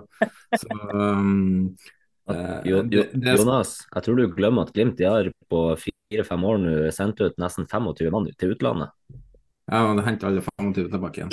Men, eh, men de er absolutt dyktige der. så De er dyktige på å bygge team, da. helt åpenbart. Alt fra scouting til hvordan trenerne jobber, sports, sportslig ledelse. På hvordan de klarer å plukke de rette spillerne. Uh, et av de beste eksemplene er jo Holmgren Pedersen, som jeg tror han bare hadde tre kamper for Tromsø. og Så kommer han til Molde, og så er han, er litt heldig da når, når Harald Seier blir skada, så han får spille så å si alt. Uh, og nå er dominerende til tider i nederlandsk fotball og er linka til større klubber ute i Europa. Så um, der har de vært veldig gode. Det, det er det ikke noe tvil om. Uh, vet ikke om du vil tilføye noe på det, Pernille, men du nevnte jo litt i stad. Nei, det er jo selvfølgelig Du har helt, helt rett i det. Det er veldig det er første gangen noen Rosenborg-supportere har sagt noe fint til meg, tror jeg. Nei, altså, det er jo selvfølgelig vår alles eh, Erling Braut Haaland, da. Som, ja, var... men der, der, han ble snakka mye om skal man ta så mye æren der, egentlig. Han var jo der et kvarter, og så dro han jo videre, liksom. Centimeter da han var i Molde. ja. Han vokste en hel kuklengde, er det du sier? Han gjorde det. Jeg syns det er det som er gjennomsnittet oppe i nord. uh, ja, han gjorde det. Han var, det var veldig sjukt. Uh, nei, men vi må ta æren der, selvfølgelig. Uh, klart det. Nei, altså Det er kjempeartig. og så er det jo eller Som Molde-sporter så er det jo også artig og kjipt, da, for de forsvinner jo, forsvinner jo etter hvert. så da... De vil jo ikke være der. Jo, det vil de. De vil kose seg på badeland og ta, vinne Rød, Rød dere? Ene puben? Nei, vi har Spar med. Vi har Brygga, vi har rød, bare blå, ja. Vi har Fuzzy, vi har Syd. Vi har um, Sliter jeg med å stave altså, ord som har mer enn tre bokstaver der, eller? Nei, det må være kort, vet du. Det er rød, bare blå, og så har du mørkerød i kjelleren, som liksom er diskoteket. Og så er det noe litt forskjellig. Ja. Glød har vi. Nok om Molde by. Eh, jeg kan jo ta litt om uh, gullsesongen 2022, da. Jeg skal få litt mer uh, skryt av meg her, men det er jo imponerende uh, sesong de legger bak seg der. Det er ikke den mest imponerende serievinneren jeg har uh, sett sånn spillmessig sett. da. Uh, Molde var jo egentlig middels i ganske mange kamper, men, men de vant. Ja, og det er, jo det som skiller Clinton fra Veten, vet du. Ja, ja. ja, og mange... ja. Tetta igjen bakover. Um, vanskelig å spille mot. Avgjør alle jevne kampene. og så knuste Bodø-Glimt, da. Så, altså, for meg i fjor så, så, Sa du skille glim, eh, Clinton fra Veten, eller Glimten fra Teten? ja, det er oh. så, så clever på en søndag klokka kort på ti. ja, det, jeg syns den var sterk. Jeg synes den var sterk. Jeg skal få, få fem poeng for den. Klart han må kose seg med noe fra sjuendeplass. Feila i Europa, da. Ja, det gjorde vi. Det var surt. Men det var nesten, da. Det var nesten.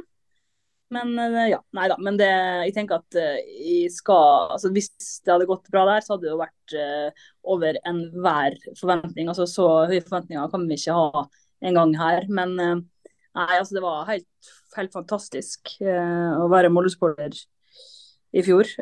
og det begynte jo litt rått, da. ja, det høres jo litt teit ut nå. Vi tapte jo, jo, to kamper helt i starten. og da var jeg litt sånn Hva er dette her? Men det jo men så gikk det jo, gikk det jo ganske bra etter det. så da Slutt å flire. Jeg var ikke mye sint etter det. Jeg var jævlig, det skal vi ta etterpå, men jeg var veldig veldig forbanna etter det tapet mot Viking. Eh, men så var jeg ikke, plutselig ikke så mye mer forbanna eh, det året der.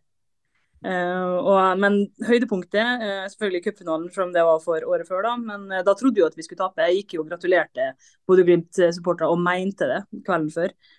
for at jeg, nei, jeg var helt sikker på at det ikke kom til å gå. og da tror jeg ja, nei, da, da skjedde det noe. Og selvfølgelig bortekampen mot, uh, mot Bodø-Glimt. Uh, Emil Breivik sitt, sitt skåring der, det er det sjukeste jeg har sett. Uh, unge karen fra ei bitte lita øy utenfor Molde som har kommet og lykkes sånn som han gjør. Det er veldig, veldig, veldig, veldig artig. Og så er det selvfølgelig hjemme mot Rosenborg, da. Det gikk jo, ja, gikk jo så bra som det kan gå, det. Selv om Rekdal har lyst til å si at det var veldig jevnt, det var det ikke. Ikke? Jeg skal ikke gå i dybden på den kappen, men uh, bortsett fra feil. Men Uh, uh, føler du at du sitter igjen med en sånn følelse at Molde var Nå husker ikke jeg hvor mange poeng de var foran lagene under det, men føler du at avstanden er så stor som den faktisk var på tabellen, eller var det den flyten? Føler, tenker du at sesongen her bør være grei skuring, siden dere hadde den avstanden? Nei, herregud, gæren, jeg tenker aldri. For det var jo, Du kan jo si at man fikk jo litt overbetalt i altså Fullt fortjent seriegull, men uh, litt overbetalt i forhold til poeng? Ja, nei, jeg tenker at altså, Molde var ikke like god i alle kamper, men uh, det er jo litt det som er dem til, en, til et godt fotballag. Da, at de klarer å vinne de kampene der de ikke er, er på sitt høyeste nivå. og Det klarte Molde ved flere anledninger i fjor. og jeg skjønner at Selvfølgelig, altså det, ble, det, var mye, det var Europa, det var masse kamper, man blir sliten, men allikevel så vinner vi. Og vi var vel 18, 18 poeng foran Bodø-Glimt. Um, men jeg er helt fullstendig innforstått med at den sesongen der, det tror ikke, vi tror ikke vi får en sånn sesong igjen med det første. da. Eh, og selv om vi selvfølgelig alltid tror og håper at Molde tar seriegull, så tror jeg ikke det blir like enkelt eh, i år. da, For jeg ser jo at selvfølgelig så blir man jo både Rosenborg og, og Bodø-Glimt blir jo jævlig hevngjerrig når de ser eh, hvordan Molde presterte i, i fjor, og vil jo selvfølgelig ta oss, da. Men da må jo vi være rusta til det, og vi har jo handla i noen godsaker for å være det. Ja, apropos det. Berisha til 1000 milliarder. Det var ei krone. Ja. Kort uh, Vi trenger ikke diskutere den mer, vi gutta. Vi har uh, snakka nok om Berisha. Jeg tenker, at, jeg tenker, at, det er bedre å ha Berisha på laget sitt enn å spille mot den. ja, men det er Spørsmålet er bare hvor lenge man får ha han på laget. Jeg streiker snart. Mm. Hva, hva tenker du at uh, at den blir skada? Nei, Nei, jeg tror han vil til Hødd for å oppleve supporterkulturen der. Jeg tror dere, at dere er bare livredde. Dere, dere er dritredde for Berishas uh, målteft. Jeg skal, jeg, skal, jeg, skal, komme med en faglig begrunnelse til hvorfor jeg Altså, at han kommer til å skåre mål i Molde. Ja, det gjør han. Blir han like god i Molde som han var i Viking? Det tror jeg ikke. Med mindre Molde har tenkt å gjort noe radikalt som lag. Uh, Molde var helt klart mye bedre i fjor når de forsvarte seg lavt da var det så å si umulig å trenge gjennom. Det gikk knapt an å skape målsjanser på det. Når Molde sto høyt, så var det litt verre. Da var det plutselig, da friga det rom. Berishas desidert beste kvalitet, det er å presse høyt.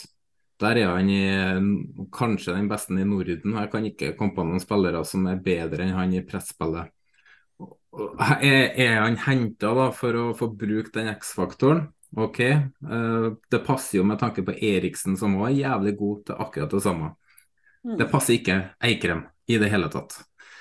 Skal de da begynne å presse høyt? Hva skjer med de treene bak, som kanskje ikke innehar uh, super, ja, mer hurtighet enn de bak i Rosenborg, men, men uh, de, de, de, blir i hvert fall mye mer sårbare da, hvis, hvis de mister presset sitt. Så spørsmålet er jo skal de endre måten å spille på? Hvis nei, så tror jeg ikke han er verdt 40 millioner. Det var vel ikke 40 millioner heller, da. Men uh, 37. Uh, ja, hvis det spørs litt, da.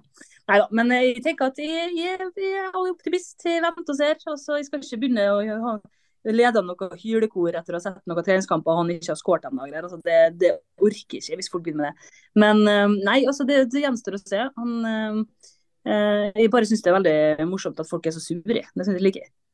Folk hisses opp og blir sånn dritsure. Og... Du fòres av det? Jeg fider litt på det, jeg gjør det. Ja, andres Også... hat og ja. misunnelse og, og når andre ja, super, så blir du glad? Husker Vi hadde Tommy Høiland, f.eks. Det var litt samme, litt samme sympatiske oppførsel. Det var veldig morsomt, det, altså. Mm. Uh, men uh, nei da, folk mener vel at den passer som jeg skrev. Folk mener vel at den passer godt inn i resten av reptilparken der oppe, sikkert. Så Um, nei, altså Jeg ønsker han hjertelig velkommen. Jeg skal heie han fram, og jeg håper han lykkes. Eh, det gjør jeg, for jeg orker ikke alle Men hva, hva, tenk, hva, tenkte du med den uttalelsen? Var det Stavrum eller var det Erling Moe som kom med det? At uh, spillerne eller klubbene i Norge priser uh, spillerne så høyt, eller altfor høyt. Uh, og begynte å sutre veldig over prisene som klubbene satte på sine spillere. Og så henter de Berisha til nesten 40 millioner. Jeg tror, nok, ja, 30. jeg tror nok uansett at fordi fordi at Hammarby vet at Molde er, har penger, så tror jeg de legger på noen ekstra kroner i potten pga. det. Um, nei, altså Det ble jo selvfølgelig litt kleint, men sånn er det. Sånn er, sånn er fotballen, liksom. Det koster Det, det hjelper jo ikke at Erling Moe nå går ut og sier ja, vi har mer penger å bruke, vi. da, da er det OK. Han vet at alle hater oss, han vet at vi kommer til å få kritikk. Han bare spiller på, vet du. Nydelig fyr. Elsker Erling Moe. Det, det som er irriterende med han, er faktisk at han, han er ikke uspiselig. Nei, han ikke. han er seg sjøl. Og så er han, han er jævlig artig. Han eh, har vært med Jeg har snakka med han eh, en del ganger. så Han er jo, han har jævlig, men han er mye sjølironi på at han er ganske dårlig i engelsk. Så det er veldig morsomt når Molde har pressekonferanser i forkant av europakamper og sånn, han skal snakke engelsk. Han skulle si? Han skulle si at vi ikke, at vi ikke var så høye på oss sjøl. Og så sa han We're not that big on ourselves. Det. Det som, det som Geir Frigård, assistenten til Rosenborg, som ba han eh, nye spilleren eh, Jaden om å smell the, smell the air behind, eller noe sånt. Lukta på bakrommet. Smell the space behind. Jeg for Erling Moe fortalte at når, når Solskjær og Mark Dempsey og Richard Harrison kom hit i 2011, da, så da måtte han jo snakke litt engelsk, Jeg var jo han assistent. Og da, eh, på slutten av det året, når MFK hadde kåringer sånn på årsfesten sin, så oppretta de en ny pris, MFKs språkpris, så de fikk Erling Moe, da, for det, det var jo ingen som skjønte hva han sa. Nei, ja, det er helt, det er helt nydelig fyr, altså. Å, det er så artig. Nei, det, og det er sånn, det er derfor jeg er så glad for at vi har liksom en, den type trener. fordi at eh, han tar litt vekk en del av den der noe eh, klysestempelet og han med å være sånn som han er. da. Eh, vi trenger liksom ikke en sånn eh, Fagermo. Ja, Fagermo. Ja, Fagermo. Altså, jeg savner Fagermo i Odd, altså, det skal jeg si. Ja, det, det, Eh, akkurat det gjør jeg òg. Han, hører hjemme i en litt mindre klubb for å bygge Jeg opp entusiasme. Og så er han så og så er det liksom, for det er jævlig mange kamper i året der det meldes og der det fyres og der det liksom er skikkelig stemning før kamp. Det er liksom, for, for vår del så er det Molde, Rosenborg, eh, til dels Molde og Ålesund, men Ålesund er så underlegen oss at vi bryr oss ikke så masse. Og så var det Molde KBK, eh, og så er det kanskje Molde Viking, Molde Lillestrøm, altså litt sånn ting. Men når da eh, Fagermo var i Odd, så var det alltid et helsikes styr i forkant, og han drev og meldte på Erling Moe, og Erling Moe svarte, og det var kjempeartig. Og jeg savner, jeg savner det, altså. For han eh, han er Du kan si mye om Fagermo, men han er Han lager Han fyrer, da, når det trengs. Selv om eh, du av og til har lyst til å tuppe den litt i rumpa. Ja, ja, det er det. ja. Men eh, hvis vi går vekk fra Fagermo, da. Nå eh, over, til, eh, over til noe som eh, sannsynligvis Fagermo ikke skal være med på i år. Gullkampen. Den må vi snakke litt om. For det er som jeg, jeg nevnte det en gang før, det er vel den, den allmenne oppfattelsen at det er eh, Glimt, Molde, Rosenborg som kommer til å kjempe om de tre medaljene sånn som det ser ut akkurat nå. Eh, Jeg liker rekkefølga å si det. Helt tilfeldig. Eh, Jeg kan også si Jeg kan ta det igjen, jeg, så jeg kan klippe det ut og så si Molde, Glimt, Rosenborg, Rosenborg, Molde, Glimt. Jeg kan, eh, jeg kan klippe som jeg vil. Det er det som er fordelen på teknikken. Men, ja, men gullkamp. Det er ikke noe å skyve under en stol. Det er jo deres tre lag man snakker om eh, potensielt. Spesielt kanskje Glimt og Molde basert på de siste sesongene, men Rosenborg som den eh, outsideren som kanskje kan utfordre, da. Skal aldri avskrive Rosenborg, vet du. Det går ikke. Det gjør aldri vi. Altså, uansett, det er så klassisk. Rosenborg kan ha en dritsesong, spille dritdårlig, tape masse kamper. Og så henter de seg inn på høsten, og så er de dritgode når Molde skal møte dem i oktober, som vi alltid gjør. Enten hjemme eller borte. Um, så jeg tror nok at Rekdal, eh, Rekdal har noe på gang. Det har han nok. Um, og så eh, møtes jo Molde og Rosenborg i Molde 16. april, altså det første hjemmekampen til Molde. Og det, det blir litt artig, for da er det jo fortsatt ganske tidlig i sesongen, og man, ting er jo ikke helt satt. Så jeg føler liksom at der kan alt skje. da. Ja, akkurat det. det Mm. Du så Glimt i fjor spilt eh, på, eh, borte mot Sandefjord, og Sandefjord fort kunne tatt med seg tre poeng. Det, alt kan skje første runde. Mm. Så det blir øh, nesten litt sånn Men det er alltid, alltid Molde-Rosenborg ganske tidlig. eh, Enten hjemme eller borte, da. Eh, Men, eh, nei, det blir, men det blir jo veldig artig, da. Det er jo, det er jo kjempestas å starte sesongen hjemme med en sånn kamp, da. Det er det. Selv om jeg gruer meg allerede. Jeg har jo voldsomme kampnerver eh, egentlig allerede. Men sånn skal det være, og det skal sitre eh, ganske sånn brukbart overalt, som Frank ville sagt. Eh, og ja, jeg kjenner virkelig at det, det verste som finnes, er jo at det er Rosenborg-supportere i byen min. Det er det verste jeg vet. Det er veldig grusomt å se. Heldigvis så ser jeg av politiet på nedre langs sjøfronten. Men eh, det er jo veldig morsomt. Og ja, nei, jeg syns synd på dem som på en måte ikke, ikke har, den, har det oppgjøret der, da. For det er kjempeartig, og så kan det være helt jævlig, selvfølgelig. Det, for oss har det jo vært mest uh, jævlig, i hvert fall på Lerkendal. Jeg har ikke Jeg tror jeg var på Lerkendal i 2014, nei, 2014 eller noe. Da vant vi. Det siste gangen jeg var der, da vi vant. Og så var jeg der en gang da det var uavgjort, men da satt vi på do da begge måla ble skåra, så vi fikk ikke med meg noe da. men um, nei, fy faen, det er kjempeartig. Det er det artigste som fins. Uh, eller det var jævligste. Men uh, jævla Rosenborg. Jeg fikk spørsmål i går på Twitter hvorfor jeg tror at Rosenborg skal være topp tre og ikke Lillestrøm. Hvorfor det er så stor forskjell på Rosenborg og Lillestrøm, fordi i fjor var det jo Tengstedt som gjorde alt.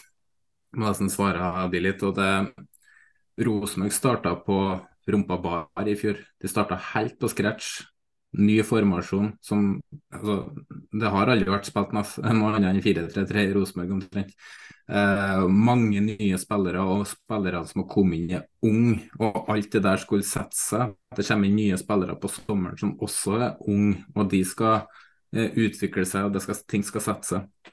Derfor er Rosenborg en klar kandidat til de tre førsteplassene foran LSK, som har kvitta seg med Matthew uh, og uh, Ogbu. Det, jeg så, jeg så uh, litt oppstykka Rosenborg-kamp i går mot KBK. Så første 20 minuttene og tenkte at fy faen, det ble kamp om å overleve det her. Ja. De var så dårlige, det, det så ikke ut.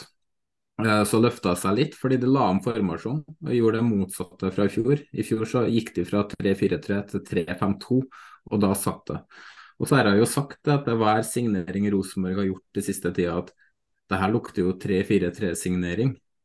Og når de la om til 3-4-3 i går, spesielt andre omgangen, eh, hvis jeg tar bare andre omgangen, så er det noe av det beste jeg har sett av Rosenborg på lang, lang tid. Ja, det er KBK, men KBK kommer til å cruise ganske greit gjennom eh, Obos i år. Eh, og er et tøft lag å møte fortsatt. Ja, men ekkel. Men de merker det rett og slett rett og slett uh, vanskelig å spille mot. Men uh, andre gangen de leverer i går, altså det har ikke hatt noe å si om de hadde skåra fem-seks mål i andre gangen. Det var rett og slett imponerende angrepsspill uh, fra start til slutt. Skårer begge målene på, eller 2-2 og 3-2-målet på overtid. Men uh, de målene skulle ha kommet Det er jo klassisk Rosenborg å skåre på overtid, da. ja, ja, det er jo det. Men, men uh, jeg, jeg, ser ikke så mye på resultatet. Jeg ser uh, mer på hvordan de henger sammen som lag, offensivt og defensivt. Men måten de hang sammen på offensivt i går, det var veldig veldig oppløftende å se for meg. Altså, jeg kjente det bygde seg en optimisme med en gang jeg ser det. For meg akkurat nå så er Glimt en klar gullkandidat. Um, ut ifra hva jeg så eh, på, på torsdag. Uh, svikter jo selvfølgelig i avgjørende øyeblikk, men, uh, men eh, de har som, så sterkt mannskap og en sånn bredde. Spørsmålet er jo om Kjetil Knutsen eh, takler roteringa, for det er en kunst. Hvordan roterer han, hvordan fungerer det? Eh, det, det, blir spennende å se. Og så klarer de å Hvem skal spille spiss? Eh, vil spissen føle trygghet til å prestere? Det er et uh, spørsmålstegn. Og hvis roteringa går til helvete og han er nødt til å sette en elver, hva skjer med de som ikke er i elveren? Molde er jo igjen i en forsvarsposisjon, og det er mye vanskeligere å gjenskape enn det å ta første seriegullet. Uh, så der Molde kommer jo allerede til serien med, i motsetning til Rosenborg og Glimt, da, som er hevngjerrig, så vil jo Molde føle at de skal forsvare et eller annet. Det blir jo tøft for Molde. Og så mistenker jeg at de fort kan miste én til to viktige spillere i løpet av sesongen. Du, uh, du tok jo, uh, når vi snakka om Glimt i, i innledninga, så nevnte du jo bl.a. dette med Pellegrino har aldri sett så dårlig ut, eller ja, uh, på, grunn av skadene. På vei tilbake osv. Men det er jo akkurat det jeg sett meg igjen med etter de to kampene her, er jo det at Hvorfor skal Pellegrino spille 90 minutter når han ikke er i stand til å spille med 90 minutter? Hvorfor kommer ikke han Lars Jørgen Salvesen, som er den som er best trent av spissene våre, om han ikke skal starte? Hvorfor kommer ikke han innpå tidligere enn 88. minutt, eller hva det var? Uh, jeg forstår ikke noen av de disponeringene som er gjort. Og så er det ingen hemmelighet det at uh, Kjetil Knutsen har ikke vært god på rullering, uh, og han har ikke vært god på noe plan B i kamper noen av årene han har vært i Glimt. Nei, det, det, det, det, det, er det det skorter på. Sett i begge europacupkampene her, så har han, så har han bytta laget dårligere. Ja, men det går også litt på hvor, hvor, kvaliteten er i forhold til at vi ikke kan Vi har jo et begrensa antall spillere å sette innpå pga. registreringsreglene til Uefa. Men det er jo også Da er kampplanen god nok når du må bytte dårligere. Eh, og er det riktig at du skal bytte ut alle tre i frontrekka samtidig, eller skulle du kanskje bytta ut bare én av de og kjørt med to andre for å faktisk få den ene inn i kampen før du må få alle tre inn i kampen?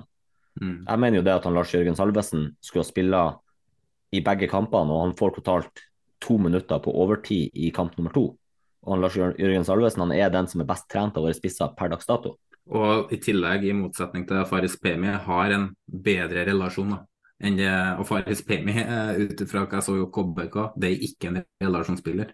Der er det mye jobb som gjenstår før han uh, kan passe inn i måten Glimt spiller på. Grunnen til at, jeg, så, grunnen til at han starta, tror jeg, er for at han kanskje har kvaliteter til å uh, gjøre ting mer på egen hånd. Hvis Glimt ble pressa litt tilbake og tenker å være en fin spiller ute i Europa. Men kanskje etterpå klokskap, kanskje skulle han ha starta på benken jeg tror at han Farris med tid, og det er viktig med tid, for han trenger tid, eh, kommer til å bli jævlig god i Glimt. Eh, men det er da fordi at han har styrke og råskaper, og det å kunne holde på ball og dytte den tilbake til indreløpere som kommer, dytte den ut en kantspiller, og bidra i det oppbyggende spillet på en måte inn på motstanders banehalvdel, og så komme seg i boks. Men jeg blir, jeg blir uh, litt skremt når jeg ser, jeg ser den midtbanen til Glimt også, med Grønbæk, uh, Vetlesen og Berg. jeg tror ikke vi har sett en bedre trio. I hvert fall veldig lenge siden vi har sett en bedre midtbanetrio i eliteseriesammenheng. For det, det Grønbæk leverer til tider, ikke at han var fryktelig god i kampene her, men du ser kvalitetene til ham. Det... Grønbæk var bedre i den første kampen. Han var ikke, ja. hadde litt svakere kamp nå, men, uh, men du ser det kvalitet? Han, han er min eh, spådom til årets spiller i 23. Så er Molde da, som er ekstremt dyktig på den rotasjonen som mange sliter med. De har uh, det er alt fra Grødem, som kanskje spiller 18-19 i troppen, ikke sant? men som kommer inn og skårer 7-8 mål, eller hva det var for noe i fjor. Du, det har sånn bredde som eh, ikke Rosenborg og Glimt har, og da tenker jeg på kvalitet i bredden. Ja, man tenker på hvor skadefullt Molde også var i deler av fjorårssesongen også. Eh, så det er jo på en måte dem som spilte til enhver tid, var jo ikke det som var førstevalget til Erling Moe heller. Så det er jo kjempeimponerende hvordan de kommer inn. Eh, sånn som Haugan f.eks., som bare kom tilbake og bare var helt enorm. Eh, det er super Kåsa, som er en signering som er kritisert. Som egentlig min det minner veldig mye om Bjørlo som Rosenborg henter når folk kritiserer deg før de egentlig vet hva de har henta. Og så kommer de inn som rollespillere, og så wow. Det, ja. det var det som imponerte meg Molde, mest med Molde i fjor, var hvordan de bare mista en nøkkelspiller, og så bare setter de inn en ny spiller. Fordi at han er så drilla da i hva han skal gjøre i sin rolle, at laget fortsetter å fungere. Og da spesielt det defensive, men det blir jo produsert målsjanser offensivt også. Eh, men det var det som imponerte meg mest med Molde, og da spesielt han Erling Moe, hvordan han klarte å få det beste ut av hver enkelt spiller til enhver tid, hva han hadde tilgjengelig da. Og ta med også, eh, og Eikrem, som var i den situasjonen han eh, sto i, eh, som da ikke leverte ikke sin aller beste sesong, men det er jo forståelig når du vet hvorfor. Og så nå kommer en ny sesong eh, der han på en måte har lagt ting litt bak seg og er klar til å angripe på nytt, og kan være med for 100 det blir jo nesten som en slags forsterkning for Molde i år. Så um, Per nå så er styrkeforholdet, mener jeg, eller hvis du skal sette opp en uh, treer akkurat nå, så er det Glimt, Molde, Rosenborg akkurat nå. Men jeg tror Rosenborg er bedre og blir bedre enn det veldig mange som jeg har sett på Twitter, da, tror. Man snakker om Molde og Glimt, men jeg tror Rosenborg skal nevnes i samme åndedrag som eh, de tre lagene. Og Rosenborg, eh, med tanke på eh, alderen de har, da, og hvor kort tid spillerne har vært i klubben, så har de potensialet til å ta størst steg, tror jeg. Nei, dem vi får se. Jeg tror, jeg tror jo at i og med at vi er inhabile alle tre, så kan vi jo si at hvis vi skal ha en, en fasit for dagens episode, så er det Snorre som må sette den. Det var det jeg satt og tenkte, og jeg sitter som regel med fasit.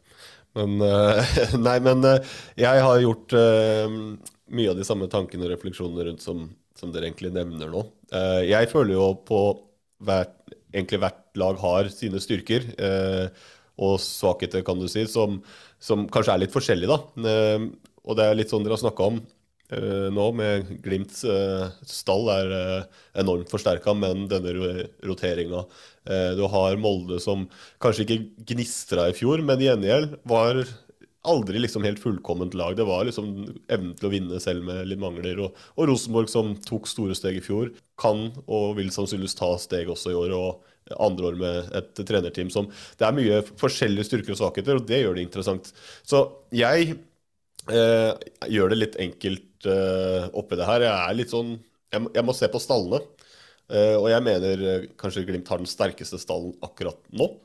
Eh, derfor tror jeg, og mener jeg egentlig, at Glimt eh, bør vinne ligaen. Men det kan skje. Det er fortsatt lenge igjen av overgangsvinduet.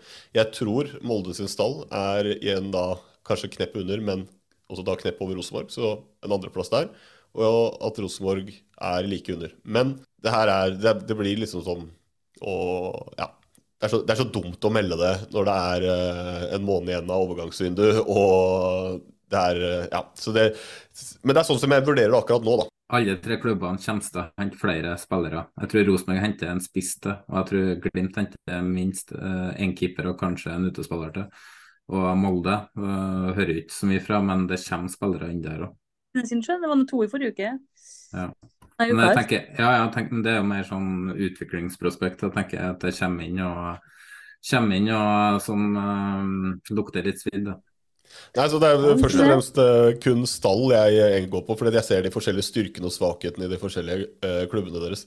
Så da gjør jeg enkelt, ser på stall, og så legger jeg ned et lite forbehold om at det er en måned igjen av overgangsvinduet, og at uh, jeg har lyst til å bestemme meg også 100% etter det før vi setter opp et endelig tabelltips. Men det er status for meg nå, da. Men det er, det er jevnt, altså. Det er, det, jeg mener det er veldig jevnt som skiller første, andre, andre og tredje, sånn som det liksom ser ut akkurat nå. Men det er lenge igjen før vi begynner å dele ut poeng også. Så vi får bare, får bare se. Så jeg har bare lyst til å trykke på en jingle. Altså, Jeg orker ikke å diskutere om folk eh, tar hverandre opp i ræva, eller hva det er for noe sånt. Det har jo eh, hagla inn med spørsmål, og vi har kommet til den delen av eh, poden hvor vi åpner opp for å stille deg noen spørsmål, Pernille. Men jeg bare nevne det til alle som hører på, at det har kommet inn veldig, veldig mye. Og vi har gått litt igjennom og sett at en del har blitt besvart allerede. Og derfor så sitter jeg igjen med noen som vi har lyst til å stille da. Men uh, vi setter pris på alle innspill og sånne ting. Men uh, en del spørsmål gikk inn i praten også, så da hopper vi over de og tar heller de spørsmålene som kanskje ikke fletta seg inn like naturlig. Så Frank, du sitter jo med med, det, med rest, kan man si det sånn? Ja, jeg kan jo kjøre gjennom noen spørsmål her til. Det er litt til Pernille og litt til oss, ser det ut til. Uh, Lone Martinsen spør hvem i Spice Girls er dere, og hvorfor? Du kan jo starte, Pernille. Ja. Nei, altså jeg var alltid uh, Jerry, da. For at jeg, hadde, jeg kom tidlig til puberteten, så jeg hadde størst pupper. Ja, Jonas? Jeg er Mel B, fordi jeg er svart i sjela. Snorre? Jeg eh, er eh, Victoria, for det er den eneste som har sjanse på David Beckham. Ja. Er det ei som er blond og dum, så må jo det være meg, da. ja. Vi kom jammen på det, ja. Det var greit, det. Det er sant som er kule, den. Ja, men babyspiken er ikke dum. Uh, Stefan spør deg Det her høres jo noe spesielt ut. Men han spør hvem vil du helst satt 69 med? Frank Amundsen eller Leonardo DiCaprio? Legge til at Jonas sitter og gjemmer ansiktet sitt. Stefan Sætre er da forhenværende forsanger i Tornekrattet. Og ja, liker å plage meg, tydeligvis. Nei, altså Hvis jeg kan komme altså, Det hadde vært Leonardo DiCaprio hvis det hadde vært eh, liksom i Titanic-æraen, men nå syns jeg han har blitt litt ekkel fordi at han driver og dater tenåringer og snart er 50, så da blir det Frank. Ja, jeg tar den. Det, Du har, jeg, du har tilbud hver havn i Norge, du, Frank. ja, men jeg håper jo Lone ikke hører på podkasten, så For dere er sammen på ordentlig, det er ikke bare sånn Twitter-forhold sånn som meg og Tande Per Agde. jeg, jeg har klippet ut Snorre. Det er svaret på det, Frank. Så Frank, nå kan du svare på Emil Almås spør hva er det verste med Molde? Ja, det lurer vel Emil på. Han er jo i Molde mer enn eh, enn dem som bor her omtrent. Eh, nei, verst med Molde Han, han lurte på både by og, og klubb. Nei, verst med klubben er jo at det ja, burde vært mer åpen. For lite åpenhet. Eh, verst med byen eh, er at eh, folk alltid parkerer nærmest dit de skal hele tida. Sånn at det, det går ikke an å Altså, det er ingen som, Vi har en parkeringstunnel i denne lille byen. her. Ingen gidder å parkere her, for det tar 30 sekunder lenger å gå dit de skal. og Derfor så blir det sånn masse feilparkeringer, mye styr når jeg begynner. Det irriterer meg. Pluss at, Og folk som legger om dialekter. Ja, det er ikke så lett å vite hvor du skal parkere når dere har ei rundkjøring, og det er det. Nei, det er, vi har flere rundkjøringer i hvert fall, og flere lyskryss. Dere har ikke McDonald's engang. Uh, Martin Brekke spør, eh, eller dilemma. Molde til CL gruppespill i 23-sesongen, eller at det spilles scooter ved innmarsj og mål hele sesongen? Fuck, Martin. Ja, det så går det. Uh, oi, oi, oi. Det var veldig vanskelig for meg. Uh, nei, nei, det må nesten bli, bli CL. Så kan jeg heller høre på scooter når jeg kommer hjem. Jeg har scooter, på uh, spillista mi på treningsstudio, faktisk. Ja, jeg elsker scooter. Er fullstendig uironisk. Får jo- epilepsanfall før jeg skal begynne å løfte, ut? men det er jo greit. Jeg var på Wheel of the 90s og Scooter spilte How Much Is The Fish. Jeg ble så starstruck at jeg begynte å grine. Jan, Jan Olav Foss spør, siden spillelogistikken har vært eh, fasit i Molde de siste årene, topp tre bomkjøp, og hvor fornøyd er du med Berisha til 40 mill.? Det har jeg svart på, veldig fornøyd. Go Berisha. Eh, ja, bomkjøp, det tenkte jeg litt på. Og så det, det første som på en måte slo meg eh, eh, Det er sikkert mange andre også, men ikke så godt å huske. I hvert fall eh, Bjørn Rundstrøm. Eh, kritiserte Molde noe jævlig også, ikke spesielt hyggelig. Eh, Pavel Sivitsjki og Agnaldo. Så det var en potensiell eh, slange, den første der. Ja. Kunne vært. Men samtidig så var den også litt artig. Så ja, vi har sjøl i Molde òg. Uh, Vinnet eh, Andersen spør, hvem er favorittspilleren på Molde nå, og gjennom tidene? Ja, det er jo flere, men Magnus Eikrem er nok min favoritt. Og gjennom tidene, da burde jeg jo selvfølgelig svart uh, Magne Hoseth eller min tidligere lærer Jan Fugerseth, men eh, det blir eh, nok Daniel Bergestad. Eh, Lone Martinsen spør om hva som skal gjøres for at flere kvinner blir engasjert i supportermiljøet. Og da tenker hun helt sikkert på i alle klubber. Ja, det, ja, jeg har liksom ikke telt kvinneandelen, men det er nå en del. Nei, altså det er veldig kjempevanskelig spørsmål. Jeg tenker at um, man i hvert fall uh, altså man, på en måte, At det må være veldig lavterskel å være med i supporterklubber, f.eks. Altså, det må ikke man må ikke bli skremt bort av guttestemninga, sånn som jeg holdt på å bli i stad. Når dere snakka om hvor drita Frank har vært. Ikke at jeg ikke liker å være full, altså, men, men i hvert fall må, det skal være veldig alle, Det skal være rom for alle liksom, i en um, supporterklubb, og det syns jeg supporterklubben må vise. Uh, og så er det jo Jeg syns jo er det, er det så gærent, da. Jeg tenker sånn som På Twitter eksempel, der blir det veldig synlig at det ikke er så mange aktive kvinnelige supportere, i hvert fall. men det, jeg syns jo det er veldig bra på, på inngang 13, altså feltet til Tornekrattet på, på Aker stadion. Altså det er mange damer der, men uh, jeg vet ikke, jeg har dere noen tak Jeg syns det er litt vanskelig å svare på. Altså, jeg vet ikke hva liksom, man kan gjøre. Altså.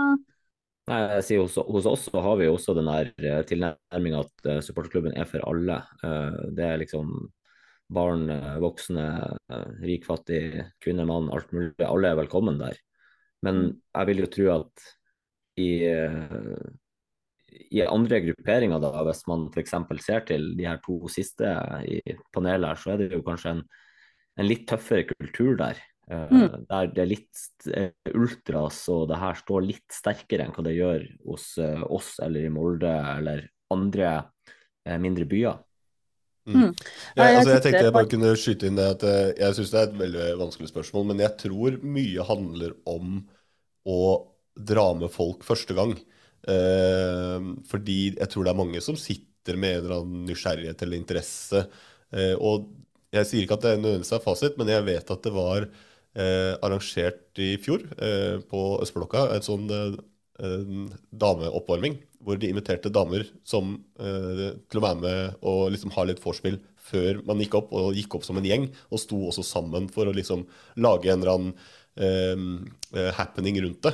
Eh, og der er det jo mange som vanligvis står midt i feltet der hvor andre står, eh, men også da nye som ikke har stått som stående syngende.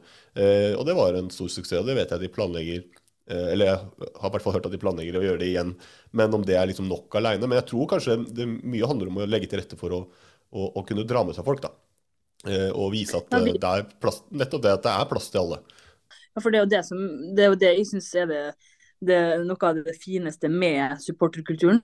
At det er så mye forskjellige folk, og at eh, man på en måte det er folk du kanskje vanligvis ikke ville kommet i kontakt med. eller Mens når man på en måte er på bortetur for eksempel, eller er på kamp, og så er vi på en måte alle likeverdige. måte, For alle er der for samme grunn. Alle har eh, kjærlighet for klubben sin og det er en lidenskapelig interesse. og Det syns jeg er skikkelig skikkelig fint. Og jeg har blitt kjent med så masse nydelige folk etter at jeg begynte å stå med Tornekrattet. Og som har berika livet mitt på veldig mange måter, som jeg er sjukt takknemlig for at jeg har møtt. Eh, og Tornekrattet også hadde vel i fjor eh, en sånn ta med en venn eh, gratis på inngang 13 for å vise fram. Og feltet vårt har jo også Det har jo blitt Det er nesten utsolgt på hver hjemmekamp. Og, det er masse unger, masse liv og røre. Så jeg tenker at ja, kanskje jeg er litt enig med det at man må få øynene opp for hvor artig det faktisk er å være stående og syngende supporter. da. Det blir jo en helt annen opplevelse enn å sitte i ro og, eh, i 40 90 minutter og gå og kjøpe seg en kaffe i pausen. Liksom. Det, blir, det er en helt ny verden som er, er tilgjengelig for alle som ønsker det. Eh, Jan Godfrey eh, spør hvordan var følelsen når Viking snudde 0-3 til 4-3? Eh, har dere en ekte rival? Og hva gjøres i Molde for å øke antall stående supportere? Har dere et godt samarbeid med klubben? Det siste her ble vel egentlig litt besvart allerede nå, men du kan jo ta oss tilbake til Vikingkampen og følelsene der, og i forhold til rivaliseringa. Ja. Nei, altså vi Tornekrattet hadde jo tidligere et ganske godt forhold til vikinghordene. Eh, sånn at vi brukte jo å spille sånn eh, supporterkamp og sånn eh, før, men så skjærte jo det seg når Ja, det var vel sikkert etter SAR-saken, vil jeg tro. Men fortsatt så er det, jo, er det jo god stemning mellom enkelte av oss. Jeg var jo på forspill med Viking-supportere og satt der og hørte på all slags rar musikk og greier, og var god stemning. For bort på kamp, ble enda bedre stemning. Det var lørdag, steike skulle ut. Hadde med, hadde med skift og greier, skulle pønte oss og kose oss. Så gikk det jo som det måtte gå. Jævla birsja, Da. Nå er det hurra for birsja, men da var det jævla birsja, Eh, og um, jeg ble altså så jævlig sur. Jeg var altså så sur at hun venninna mi, eh, shout-out til Randi, eh, hun turte altså hun turte nesten ikke å snakke til meg. Så jeg for hjem. Jeg orka ikke ut. Jeg, bare, jeg orka ikke tanken på å sitte på hotellrommet med så glade vikingfolk. Jeg ble dritsur. Fikk mamma til å komme og hente meg. Eh, og for rett på butikken, kjøpte ostepop, for hjem, så på Dirty Dancing. Jeg høres ut som eh, meg også. Jeg drar rett hjem og ser på Dirty Dancing og, og pose ostepop hver gang Vålerenga taper. Og det er ikke reint sjeldent, for å si det sånn. Jeg har sett den filmen mange ganger. Nei, men uh, jeg, vet du, det slo meg når du fortalte det, Pernille, nå, at herregud som jeg savner å være forbanna etter en fotballkamp. For nå begynner det å bli lenge siden. Ja. bare det at det vekker de følelsene også. Det, noen følelser vekker kanskje oftere enn andre, og så videre, men hele det der følelsesregisteret, når du snakka om det nå jeg bare, å, fy herregud, jeg gleder meg til vi er i gang igjen. Ja, jeg bruker jo også hvis jeg, hvis jeg, når, Eller før, da Molde brukte å tape, da. Nei. Eh, så ja. Så brukte jeg, brukte jeg å google søte dyr for å få meg i godt humør. Sånn baby rød panda og babypanda og søte katter. Eller gaupe. Liten babygaupe. Men ja, også var det rival. Ja, altså, det er jo selvfølgelig Rosenborg, er jo Moldes erkerival. Eh, eh, så det er jo det. Trond er jo på toppen, men vi, vi misliker jo også Lillestrøm ganske sterkt. Eh, eh, Ålesund, dem, nei, det blir for Altså, ja. Det er veldig surt når de en gang i tiåret eh, vinner mot oss, men det er sånn, ja ja. Det var sikkert kjekt for dem. Får de en liten grunn til å leve dem òg. Eh, og så var det jo Kristiansund. Eh, det var jo forferdelige kamper. De er dritekle å spille mot, men de eh, rykka dessverre ned. Jeg syns det var kjipt. Det, for de blir trengt av kampene her. og Det var kort reisevei, ingen ferge, bare smukk, smukk. Eh, ja, så det var dem. Eh, og så er det jo ikke noe kjekt å spille mot Viking, og det blir i hvert fall ikke noe kjekt nå når vi har fått Berisha, så jeg gleder meg veldig til 4. juni, eller når det er. Ja, det var egentlig dem, da. Har du glemt noe? Jeg syns jo det er dritdeilig hvis Tromsø ryker ned. Det er mitt syn på det å ha den rivalen. Det er jo ikke akkurat kort reisevei heller for deg. det er jo nabobyen. Men, Hvor langt er det mellom, Hva sa du? hvor langt er det mellom Tromsø og Bodø? Nei, en god ni-ti timer i bil. Jeg har vært i Bodø, da. Rett borti der. Nei, men eh, Spytter du i medvind, så treffer du dem på et par krysser. Men, men det er, jeg hadde virkelig ikke noe problem med å sende Lillestrøm ned. Men det var jo noe ekstra når det kom tilbake og man fikk de oppgjørene igjen. Så det er sånn et år, le av de, være der nede, kjempedeilig. Opp igjen, tilbake til de herlige kampene. Det er noe med det. Det er, det er egentlig vinn-vinn. Rykk ned, deilig. Kom opp igjen, kjempefint. Da får vi de matcha. Det er litt som med Brann egentlig, som er et lag som alle lag elsker å møte, egentlig. Ikke fordi at eh, du er sikra tre poeng, men eh, fordi du vet det kommer trøkk fra fansen deres, og da er det litt spesielt. Jeg tipper det var veldig spesielt for Molde å ha Rosenborg på besøk i eh, høst òg. Så du kan se bort fra resultatet, men den stemninga som var på stadion, det var jo Altså, det er ikke Det var, mye, 9000. Det er ikke all verden, det, men det blir voldsomt trøkk allikevel. da. I hvert fall når dere er vant til 750, så er jo det bra. Jeg tror fortsatt Molde er den eneste klubben som kanskje savner Kristiansund, da. Eh, ja, men det er ikke alle, alle Molde-supportere som er enig med meg. Altså, det er fåtallet, tror jeg det. Eh, men eh, nei, jeg bare Jeg liker jo Nei, jeg vil ha dem her. For da er det Det er kort reisevei, som sagt, og det er stemning. Og, men veldig mange, altså, veldig mange var jo litt artig at rykkene, altså, misforstå meg rett. Men um, nei, jeg så håper de kommer opp igjen. Nå blir jeg sikkert halshugga av enkelte her. Yes. Siste spørsmål er fra Kristian Vågen. Hva er favorittfargen til favorittkjæledyret ditt? Ja, det må være da katten min Elvira, oppkalt etter duetten mellom Bjørn Eidsvåg og Elvira Nikolaisen, Floden. Ehm, nei, hva hun liker da? Hun er fargeblind. Tror du det? Jeg tror at jeg er fargeblind. Nei, men da, da sier jeg at favorittfargen hennes er blå. Hun ser har vel svarte, hun ser jo ikke, ser jo ikke farger katter. ja, hun det? ka katter ser vel sort-hvitt, gjør de ikke det? Eller sånn grånyanser? Jo, men, Ja. ja. Så, så det du sier at hun liker Rosenborg? Så er sort-hvitt? Jeg betaler ikke 6000 i dyrlegeregning for noen som heier på Rosenborg, nei. Nei, men da har eh, Frank eh, losa oss gjennom eh, de spørsmålene som vi følte ikke fletta seg inn naturlig her og der. Vi har kommet til slutten. Først og fremst, noe vi har glemt et par episoder nå, må si alltid takk til Ja, Jonas, den tar du. De med jingler og sånn. Jeg glemmer alltid det. Vestfold Lydstudio Yes, og til. Jesper Horten Skjærnes for eh, produksjon av jingler. Og så eh, tusen takk til eh, alle lyttere og alle spørsmål eh, og alt engasjement. Kjempeartig når det eksploderte litt eh, på den eh, posten. Eh, Og så sist, men ikke minst, eh, tusen hjertelig takk for at du tok deg tid på søndagskvelden, Pernille, og ville prate med oss. Det var supertrivelig. Overraskende hyggelig. Ja, du er overraska? Ja. Men uh, vi, vi, vi avslutter som alltid, vi. Og uh, vi skal innlemme et eh, nytt medlem i 69-len. Men Jonas, du ba om å få ta den her, du. Ja, jeg fant en fin en her. Mm. Ja, passende i hvert fall. Du ble født på en regnfull dag 5. august 1921, for 101 år siden. Du var gul og blå, og definitivt ikke velskapt. Men du var her, endelig for noen. Dessverre for mange. Men som Pernille sier, i tar de i får. Slik som det, som faktisk ble unnfanga i et vedskjul i Vestergate. Du het, først Vestergatens, som er snodig i seg sjøl. Oppkalt etter hvor du ble omfanga.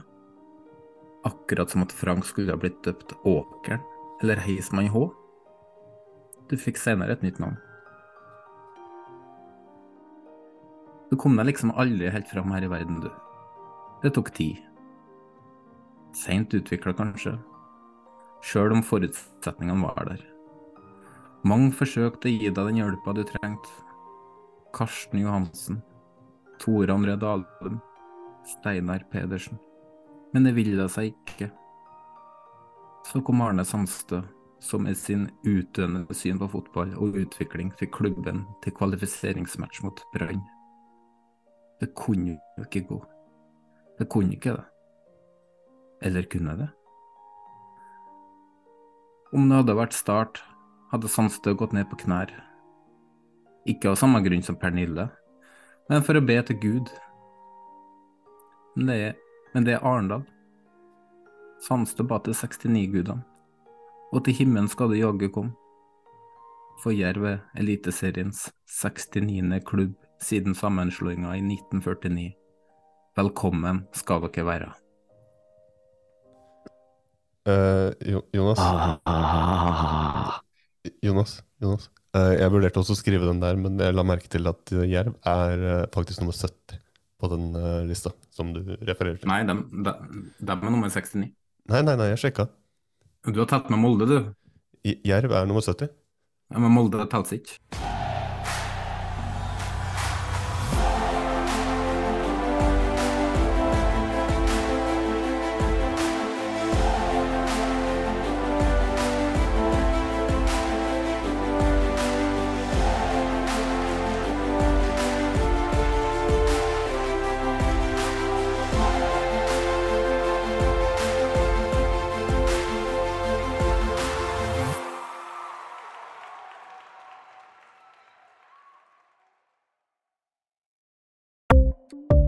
Ukens annonsør er HelloFresh.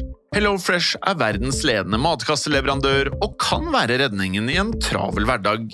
Mange av oss har nok vandret i butikken både sultne og uten en plan for middagen, som ender med at vi går for de samme kjedelige rettene gang på gang.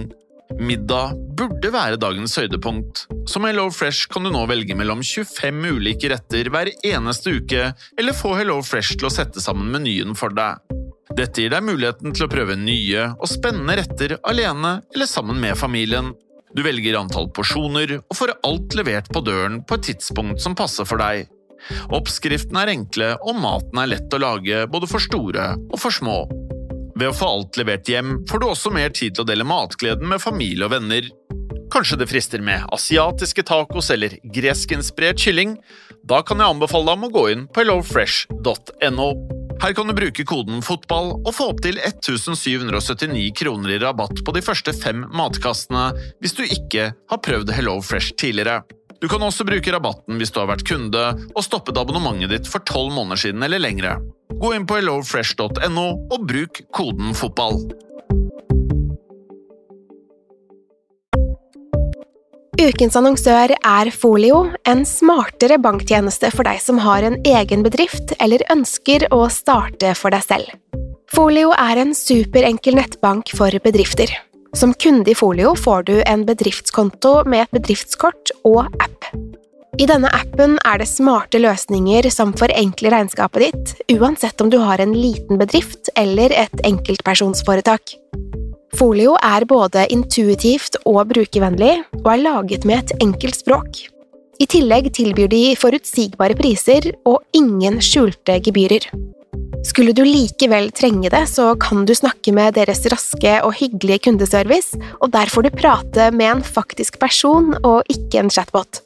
Folio er med andre ord både enklere og koseligere enn banken. Over 10 000 bedrifter har allerede valgt Folio som sin banktjeneste, så besøk folio.no og se hvordan Folio kan forenkle din hverdag også. Har du et enkeltpersonforetak eller en liten bedrift? Da er du sikkert lei av å høre meg snakke om hvor enkelt det er med kvitteringer og bilag i fiken, så vi eh, gir oss her, vi. Fordi vi liker enkelt. Fiken superenkelt regnskap.